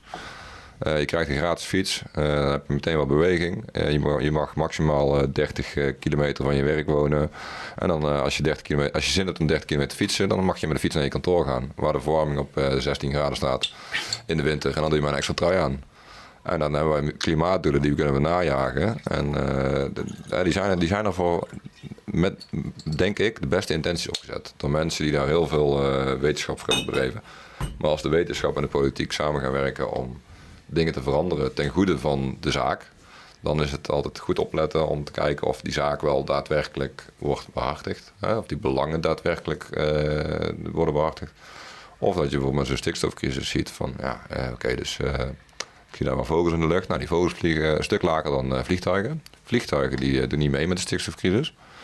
Eh, boeren worden mogelijk eh, de aankomende jaren gevraagd om hun eh, erf te verkleinen of eh, een agrarisch land te verkleinen. Worden, worden wel heel dringend gevraagd. Ja, kijk, en, eh, ik zou daar heel erg sterk over kunnen oordelen. Ik zou kunnen zeggen, van, nee, eh, maar eh, misschien moeten we een vliegtuig op de grond laten staan. Misschien moeten we een vliegtuig gebruiken om mensen te gaan informeren over hoe vervuilend vliegtuigen nou eigenlijk zijn. Zet, er- zet er maar eentje op Utrecht Centraal. Misschien moeten we een containerschip minder hierheen halen. Ja, Ja, maar waar dan bijvoorbeeld koffie in zit. Ja, Want dat is ook weer een nadeel. Kijk, die, die, die, die, die schepen die verstoken hartstikke veel olie. En nou, niet is de meest schone olie ook. Nee, nou, dat- dat is ook nog zo'n ding. Ik, kan, ik kan bij wijze van spreken mijn best om de schoonste en lekkerste en meest goed gecertificeerde koffie ergens vandaan te halen. En als die dan vervolgens per schip hier naartoe gevaren wordt. eh, en dat schip stoot vervolgens de meeste rots, grote rotzooi uit. Omdat ze op zoveel vaten olie kunnen ze weer afval bijmengen. Want er zijn ook wel discussies over. Zelfs Arjen Lubach met zijn zondag met Lubach. Of avondshow met Lubach heeft het er een tijdje geleden over gehad volgens mij. Er komt zoveel... eh, Onderzoeksjournalistiek komt vaak tot de kern om een probleem te definiëren, maar komt ook niet met een oplossing. Ja. En de oplossing moet van de burgers komen, van de ondernemers die maatschappelijk betrokken zijn. Ja, ja, want van de, de bedrijven zelf die het probleem veroorzaken, komt natuurlijk niet. En de politici die eraan verdienen, gaan er hun bek er tegenover houden. Ja, en eh, de instanties die dan hun best doen om te zorgen dat. Eh, denk bijvoorbeeld aan een Greenpeace, denk aan een eh, Rainforest Alliance. Die doen dan hun best om eh, de situatie ten goede te veranderen. Want we werken met z'n allen voor de goede zaak. Maar ja, ik hoor Greenpeace hoor ik niet over minder vlees eten. Althans, destijds. Hè. Ik, ik, heb er al een tijd weinig aandacht aan besteed. Maar ik hoor ze niet over minder vlees eten. Nu zijn er heel veel alternatieven voor, voor, het, voor het eten van vlees. En een van de goede zaken bijvoorbeeld, waarvan ik denk van een van mijn opdrachtgevers die mij toch wel zo'n 80 à 90 dagen per jaar aan het werk heeft, die zegt we eten vandaag alleen maar vegetarisch Mm. met het diner. Ja. Maar ja, wie heeft dan vitamine B12 tekort? Ik Nee. weet het niet. Ik, eh, op de dagen dat ik dan kan niet voor die op eh, linzensoep eten of zo. Ja, nee, dat kan ook, maar bij, wijze van. En, De eh, hele ik- dag fucking linzensoep vreten. Ja. Lekker bruin prutje. Ja, maar dat kan ook. En de- ik ben bijvoorbeeld heel erg fan van worstenbroodjes. Nou, daar zijn bijvoorbeeld worstenbroodjes. Nou, die had ik niet verwacht hoor, jezus. De Brabander houdt van worstenbroodjes, godverdomme zeg. Ja. Dus kom eens even hier stereotyperend zijn. Ja, als ik, als ik had geweten dat ik erover zou beginnen, had ik speciaal meegenomen. Ik collega's vinden het altijd leuk als ik er niet tegenkom met, eh, met een zakje worstenbroodjes. Hé, hey, bal weer. Worstenbroodjes. Vitamine WB. Vitamine worstenbrood. Maar kijk, ook brood is, eh, is niet hier vanuit een, een, in, in Vooral een ideale situatie. worstenbroodbroodjes is nog niet echt bepaald... eh, Ja, maar in ideale situatie zouden we gewoon eh, wild schieten zelf. eh, met een eh, pijl en boog.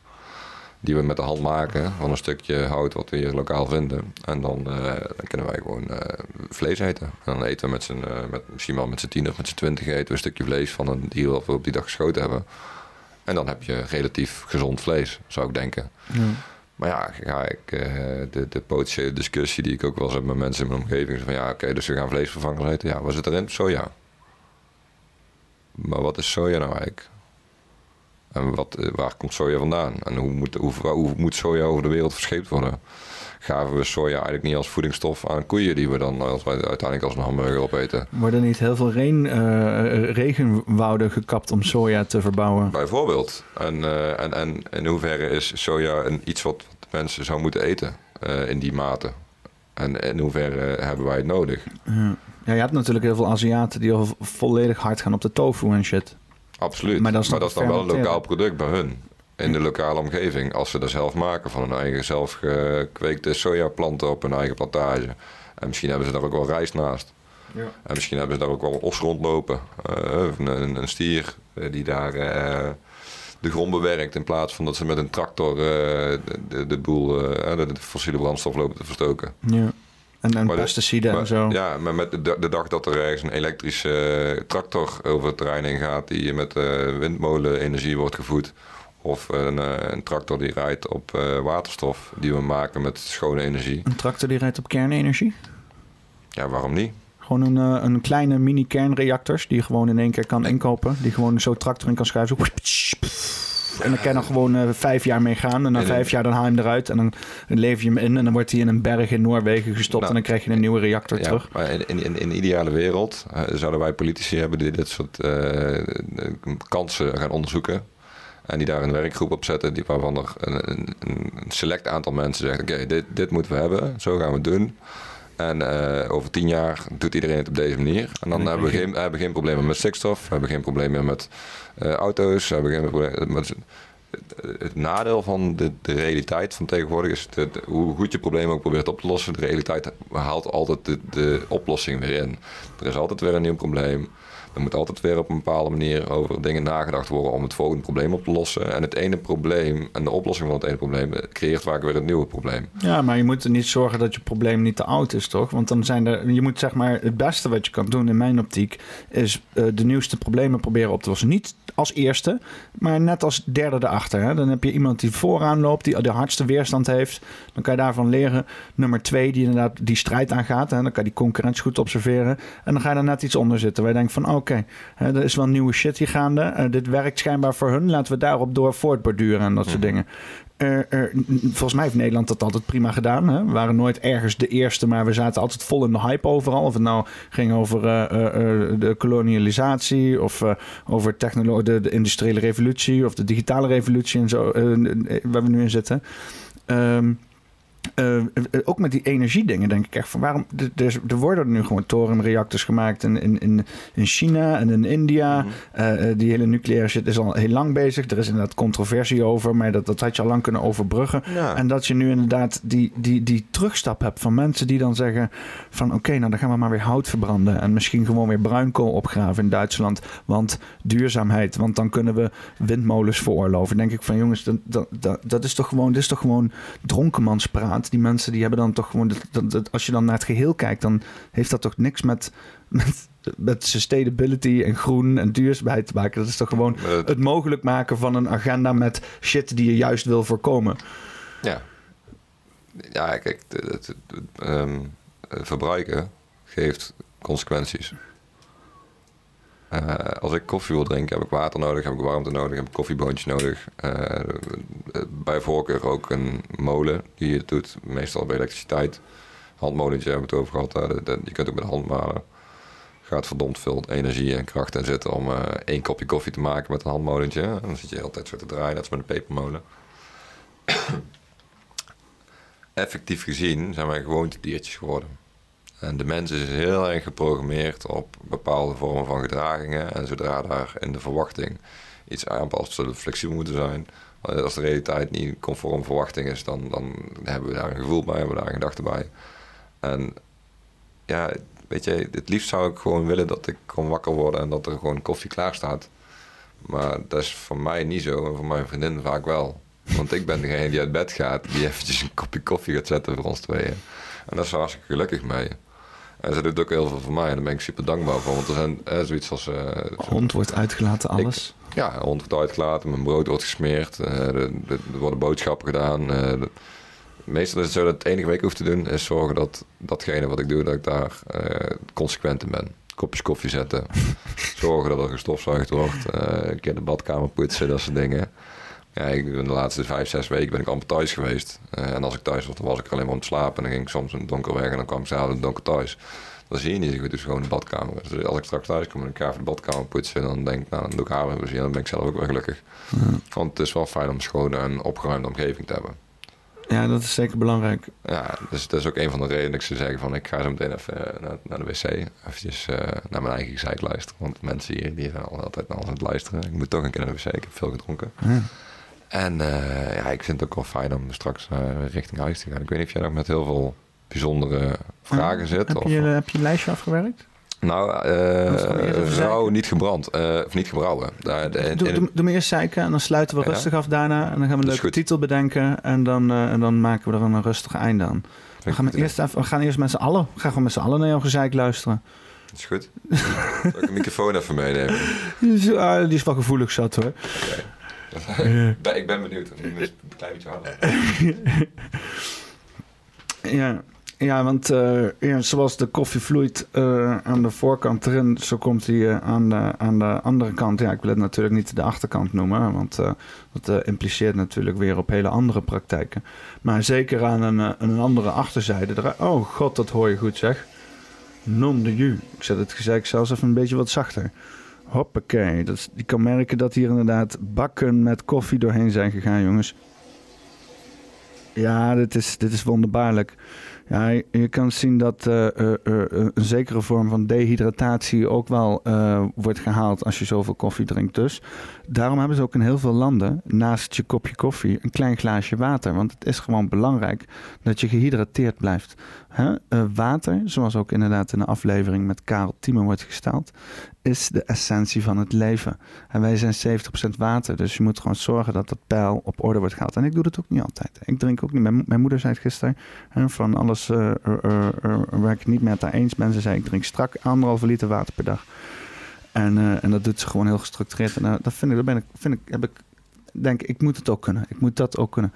Ik moest het geluid zelfs wat lager zetten, want het was, eh, dat was heftig zelfs. Het was een goede, een goede, ik zei zoals de koffie naar binnen gaat, zo, zo, zo komt het er ook uit. En eh daar moet gewoon een, eh, een, een mooi glaasje water ook bij gaan, omdat koffie kan ook een dehydraterende functie hebben natuurlijk, denk ik, of niet? I'm not shitting you people. nee, dat was, was nodig. Kijk, eh, Be- bevredigende ja, uitlaat? absoluut. Kijk, ik heb eh, volgens mij al drie, vier glazen water op. En, eh, Oh, het ligt dus niet zozeer aan de koffie. Jawel, koffie heeft een diuretisch effect. Eh, wat, een? Diuretisch. De, die, diuretisch? Diuretisch. Oké. Hem Dat je er meer, meer van gaat plassen dus. Ja, dus eh, het verhoogt de druk op je nieren. Ah. Om het even heel simpel te zeggen. En die gaan harder werken dan? Of? Ja, dus eh, kijk, eh, je, in principe is het zo dat eh, koffie maakt veel stofjes vrij. Hè? Als, je, als je koffie gaat drinken, dan vaak, als, zeker als de koffie lekker is, dopamine. Ja. Oh, beloning, lekkere koffie. Hm. Fijn, dopamine. Maar ook adrenaline. Adrenaline van de adrenale, de, de nier. Mhm. Wordt aangemaakt in de bijnierschors. Eh, het kan bloeddrukverhogend werken. Je maakt meer cortisol aan. Mhm. Waardoor je, dus je lichaam in een verhoogde activiteit komt. En daardoor gaan je nieren ook harder werken om de koffie en de gifstoffen, zogezegd gifstoffen uit koffie, ook weer af te voeren. Maar kan je, kan je koffie dan ook gebruiken als een zuiverings... eh, als je bijvoorbeeld je nieren wil spoelen? Of is het, werkt het dan juist averechts? Vind ik een goede vraag. Daar zouden we dan een keer op terug moeten komen. Want eh, ik denk dat we met het eh, weekendje in, eh in Leersum, dat we daar ook nog wel mogelijk een huisarts bij een omgeving hebben. Ja, maar dat is misschien wel leuk om te gaan om een soort van de medische inzet van koffie wat dieper uit te dekken. Hè? Want kijk, ehm, ehm, alles wat medisch in wordt gezegd hoeft niet per se gezond voor je te zijn. Hè? Nee, zeker niet. Snap je? De verdovingsmiddelen zijn ook niet per se gezond, maar worden wel medisch ingezet. Eh, antibiotica is ook niet per se medisch gezond. Hè? Al, je, al je biotische antimaken, maar wordt ook medisch ingezet. Eh, ontsmetting en dat soort zaken, dat is ook niet per se eh, heel goed als je dat constant doet. Maar dat wordt ook medisch heel tactisch ingezet. Dus, dus zo zou koffie misschien ook wel gewoon op een of andere manier tactisch ingezet kunnen worden. Nou ja, kijk, iets, iets wat ik nou even zo maar weer wat me te binnen schiet. Je hebt mensen die, die hebben last van haaruitval. Mhm. En die kunnen daar heel erg mentale problemen van eh, oplopen. Bijvoorbeeld mensen die Jij op hebt de dat 20 jaar- duidelijk, je hebt dat duidelijk niet. Nee, ik niet, nee. Ik heb wel eens last van haaruitval, maar dat is meer als ik eh, met de hand in mijn haar zit en dan... Oh, oh nee, Oh dat, nee. zeg maar, oh nee, we moeten de koffiewereld redden, maar het gaat niet lukken. Want eh, er zijn zoveel slechtrikken in de koffie. Nee, de, de, zonder slechtrik heb ik geen goedzakken. Ja, ja. En uh, als we het allemaal samen met z'n allen goed zouden doen, dan zou het probleem er niet zijn. You need people like me to point your fucking finger and say... He's That's the bad, guy. Ja, ja en uh, ja, we, kunnen klagen over dingen of we kunnen er iets aan doen. Ik denk dat we vandaag een klein stapje in de richting hebben gezet waarvan ik denk dat er misschien wel veel meer uitkomt. En uh, iedere keer als er één persoon is die denkt, hé, hey, dat is interessant. Dan moet ik het eens een keer over hebben met iemand. Des te meer mensen gaan er uh, bewust om en meer onderzoeken en meer kijken. En zo wordt invloed uiteindelijk bewerkstelligd. Deel en like deze video en red de koffiewereld. of podcast, ik maar even je luistert. Laatste punt. Laatste punt. Ja, uh, in die video uh, zag ik die, uh, die, die blanke jongen, Zwitser was het volgens mij. de naam staat me niet helemaal bij. Die zag ik een koffieboontje pakken. En hij zei, zo heb ik het nog nooit geproefd, rauw. En wat hij eigenlijk bedoelde is, ik heb nog nooit een koffieboontje gegeten zoals je net uit de brander komt. Want uh, rauwe koffie is juist die groene koffie die van het land komt. Hm. En wat ze daar op dat moment hadden was dus een groene koffie die net gebrand was. Dan heb je een bruine koffie. Dan is die net vers gebrand, dus net bereid eigenlijk. Maar onbereid in de zin dat die niet gebrouwen is. Ja. En je brouwt pas een kopje koffie als de koffie uh, een tijdje heeft gestaan. Of zo snel mogelijk daarna, maar dan wel met een bepaalde mate van uh, retentie. Want sommige stofjes wil je juist niet hebben. Hm. Want dan proef je te veel brandsmaak van het koffie. Dan gewoon verkoolde meuk te...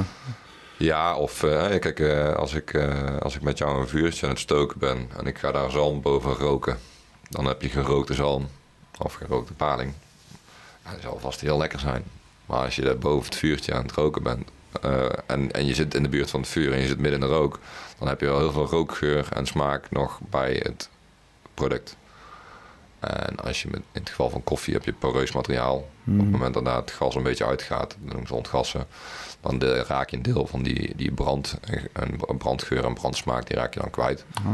Waardoor je meer de zuivere smaak overhoudt. En, en tijdens dat proces ontstaan er dus ook complexere geur- en smaakcomponenten die eigenlijk pas na drie, vier dagen te proeven zijn. Waardoor je sommige koffies die drie of vier dagen na het branden lekkerder smaken dan meteen na het branden. Gewoon even wel laten rusten. Kan niet even op smaak komen. Ja. Dus net zoals bijvoorbeeld goede wijnen of zo, dingen hebben gewoon tijd Precies. nodig. Het heeft helemaal geen zin om eh, een, eh, verse druif te, te, te vreten en zeggen: Oh, ik heb deze wijn nog nooit zo Dus geproefd. sowieso. Ja, nee, ja, nee. Ja, eh, ze zeggen wel eens van goede druiven kun je goede wijn maken. Maar eh, de, het, het maken van wijn heeft ook een fermentatiestap in zich. Ja. Koffie heeft ook vaak een vorm van fermentatie. Want zonder fermentatie heb je gewoon een zaadje. En dat zaadje wil gewoon een plantje worden. Ja. En zaadjes denken er ook volgens mij helemaal niet over na om een kopje koffie te worden. Ik denk dat zaadjes onderling het helemaal niet weten. Maar, eh, misschien moeten we nog een keer naar een andere dimensie. Om een keer met de koffiezaadjes te gaan praten. Koffie, het, is wel, het is wel interessant om, eh, want als je daar die rijstexperiment op loslaat en dat ze praten tegen zo'n pot rijst, Ja, verschillende, dat is pas ook interdimensionaal eigenlijk, hè? Dat je Ja, een- intenties ergens er- op zit en dat daarmee het, wat, ja, het, het groeiproces wordt, eh, wordt eh, beïnvloed. ja. Dat is bizar, toch?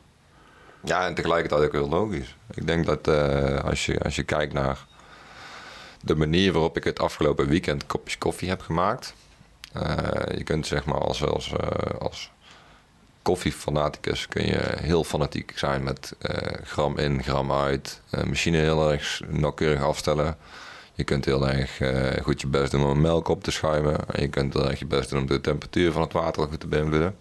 Of de samenstelling van het water. Maar op het moment dat je koffie staat te zetten op zo'n evenement met zo'n voetdruk, dan moet je gewoon zorgen dat mensen snel genoeg zo'n goed mogelijk kopje koffie krijgen. En op de, ik denk dat het de 600, 700 kopjes koffie die er doorheen zijn gegaan eh, het weekend. Misschien iets meer, misschien iets minder. waren er volgens mij twee mensen waarvan er eentje zei... Jezus, wat een laffe bak zeg. Een laffe, lauwe bak. En dan was ik de melk blijkbaar niet goed opgeschuimd. Of was, die, was die niet warm genoeg. En die mevrouw die doet dus ook eh, thuis... Voor vrouw warmt ze alles met kokend water voor. Dus iemand die, die typisch warmer gewend is. Ja. Wat doe ik dan? Dan maar doe ik mijn best om te luisteren. En dan ontvang ik die feedback en dan maak ik een nieuw kopje koffie. En dan zijn ze hartstikke blij. En was ook een mevrouw die, eh, die zag mij een kopje koffie zetten. En die zei tegen mij wat ik aan het doen was. Dat er niet was wa- wat ik aan het doen was. Ik was een Americano aan het maken. Oftewel warm water bij een espresso die je net vastgezet hebt. Hm. En op het moment dat iemand dan met mij in discussie wil gaan, denk ik van oké, dit is niet het moment om discussie aan te gaan met iemand die graag iets van mij wil kopen. Ik zal goed luisteren. Ik doe mijn best om je zo goed mogelijk gelukkig te maken. Maar als je zelf negatieve aandacht wil, denk aan die rijstkorrels. Ja. Die negatieve rijst, die, die was al negatief bestemd van tevoren. En die beschimmeling, die is nou eenmaal zo. Sommige plekjes van de wereld zijn nou eenmaal gewoon naar en vervelend. En mensen die daar omheen zitten, de omgeving bepaalt. Kijk, ik weet niet wat die mevrouw dacht toen ze naar dat evenement ging om plantjes te kopen en een lekker kopje koffie te drinken. Maar op het moment dat je mij met zo'n machine ziet en je zegt van, hé, hey, mag ik voor jou een lekker Americano? Dan denk ik, ja, tuurlijk mag dat. Dan geef ik hem je en dan kun je proeven. Als je zegt, nou, ik vind het niet lekker, prima. Dan geef je me feedback. Maar als je naar mij staat te kijken terwijl ik mijn werk aan het uitvoeren ben en je zegt, ja, maar dat is geen Americano. Zo hoort het niet. Nou, oké, is goed. Eh, Kom er maar bij. Eh, dan ga ik even naar de wc. Dan kom ik zo meteen terug. Dan heb jij lekker je eigen kopje koffie gemaakt. Wil je het op die manier doen? Als je goed, als je, als je goed weet hoe het moet, dan mag je voor mij best even hier gaan staan. Kun je meteen al die andere mensen in de rij ook eh, nog een kopje koffie geven. Die staan allemaal te wachten. Terwijl jij met mij discussie aan het voeren bent over wat ik aan het doen ben. Terwijl ik het met de beste bedoelingen zo goed mogelijk doe. En ik ben ook maar een mens. Ik heb ook met de beste bedoelingen eh, vandaag hier gezeten. En ik heb zo goed mogelijk mijn best gedaan. Maar eh, ik ben gewoon mezelf geweest. Maar voor, eh, voor, voor, voor mensen die kopjes koffie halen, vertel niet aan een barista hoe die een Americano moet zetten.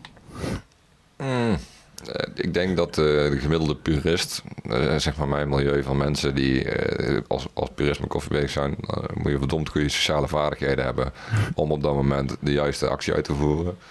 Maar eh, je hebt ook eh, koffiezaakjes waar een barista staat eh, die dan eh, zichzelf helemaal heeft toegelegd op het product waar hij mee werkt. Ja, dan, dan, dan dat is een, een sociaal ongemakkelijke situatie als iemand, iemand anders op de vinger staat te kijken en Is die, desbetreffende, is die desbetreffende klant wel eh, weggegaan met een bakje koffie waar Ja. ze van genoot? Ja, ik heb een nieuw kopje koffie voor gemaakt. Ja, maar dat is de kunst dan En ik, uiteindelijk. heb, hè? en, ik heb, ja, en ik heb uiteindelijk zelf die koffie opgedronken. Die ik voor haar gemaakt had, de eerste. Daar heb ik enorm van genoten. Dus ik weet, ik weet in ieder geval dat dat kopje koffie wat ik gemaakt heb, dat het goed was. En ik heb hem lekker opgedronken en ik heb er enorm van genoten. En het kopje koffie wat ik aan haar heb gegeven, daar heeft zij vo- voldoening in gehad. Ja. Zeg, kom vooral even terug als, als, als je nog meer feedback hebt. Maar eh, ja, mijn, nee, maar en mijn collega die zei ook van nou, eh, eh, er is een stereotype wat over Duitsers wel eens gezegd wordt. Daar, daar voldeed ze wel heel erg aan. Oh. en dan, dan laat ik dat even verder in het midden wat dat was. Koffienatie. Ja, dat is een keer heel anders dan een grammar-natie. Ja. Koffie. Ik, je kan hier eindeloos over doorgaan. Koffie voor medische inzet. Koffie als een mooi product. Ik vind het ook wel eh, mooi als gewoon, hè, als je inderdaad staat te serveren voor mensen. eh, en vooral met consumenten, dat is toch lastig volk.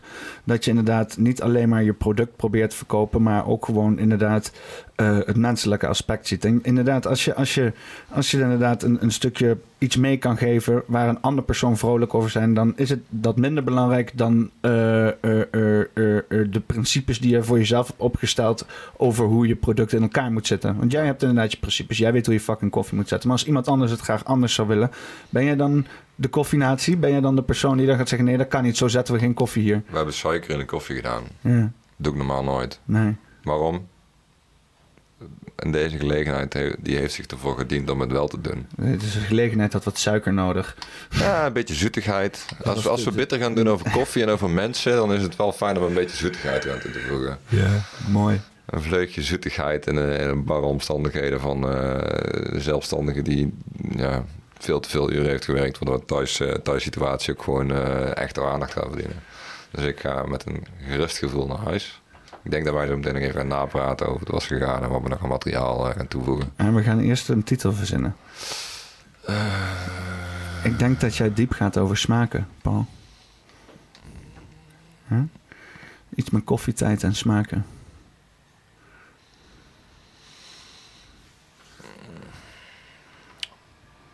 Over smaak valt niet te twisten. Ja, dat is een beetje te kazig. Ja, hè? hou je van kaas? Nee, ja. Ja, ik hou van kaas, ja, maar niet als ik het heb over koffie. Je hebt mensen die doen koffie en een kaas in een koffie, hè? Je kunt kaas ook wel mooi paren met koffie. Meen je niet? Ja. ehm, misschien is dat een goede gelegenheid om met te doen. Deze, deze koffie, die zo dik en stroperig was, die, ehm, die zou je kunnen gebruiken om een beetje klein kaas, een, een, een klein blokje kaas, in de koffie dopen. En dan bij wijze van spreken, ja, je kunt ook vijgenjam of eh, andere smaakje, een beetje eh, balsamico zijn. Kun je ook heel mooie smaakjes bij kaas toevoegen. Ehm, dat is, er is nog zoveel mogelijk. ja. Misschien iets van... Geen gezeik over koffietijd. Er is altijd tijd voor een kopje koffie. Altijd tijd voor koffie. Ja, en Met- tijd is heel relatief. En ja, want de tijd was ook een dingetje. Dan, eh, eh, eh, want ik, wat zei ik nou? 43 73, hè? 74 waren we. 74? Ja. Zo maar, zo maar. Het is niet meer bij te houden. Ik probeer hier te schakelen. Zo, nee, dit ben jij. Ja, dit ben ik. Kijk aan. Dit is Poppenkast 74. Altijd, tijd, altijd tijd voor koffie. Wat was het nou ook weer? Er is altijd tijd voor een kopje koffie. Altijd tijd voor koffie. Ik, wil het, ik probeer het kort te houden, die titels, hè? Koffie. Want, Tijd koffie. koffietijd. Altijd tijd, maar dat kan ook niet altijd tijd. Gewoon Koffietijd. tijd voor koffie. Wat zei je nou over dat, over dat dingen van Europa heeft de... Europeanen hebben de klok en Afrikanen en Zuid-Amerikanen hebben de tijd. Dus eh, niet de klok, maar koffietijd. De koffieklok. Koffieklok of tijd. en dan ben ik hem helemaal kwijt. oh, eh, de weg kwijt met koffietijd. De weg kwijt met koffietijd. Dat vind ik een goeie. Ja. Dan moet ik nog maar zien dat ik daar heel eh, thuis kom zonder files en eh, de spits en dergelijke. Want volgens mij is het nou net... eh, Ja, nu is de spits vol begonnen. ja.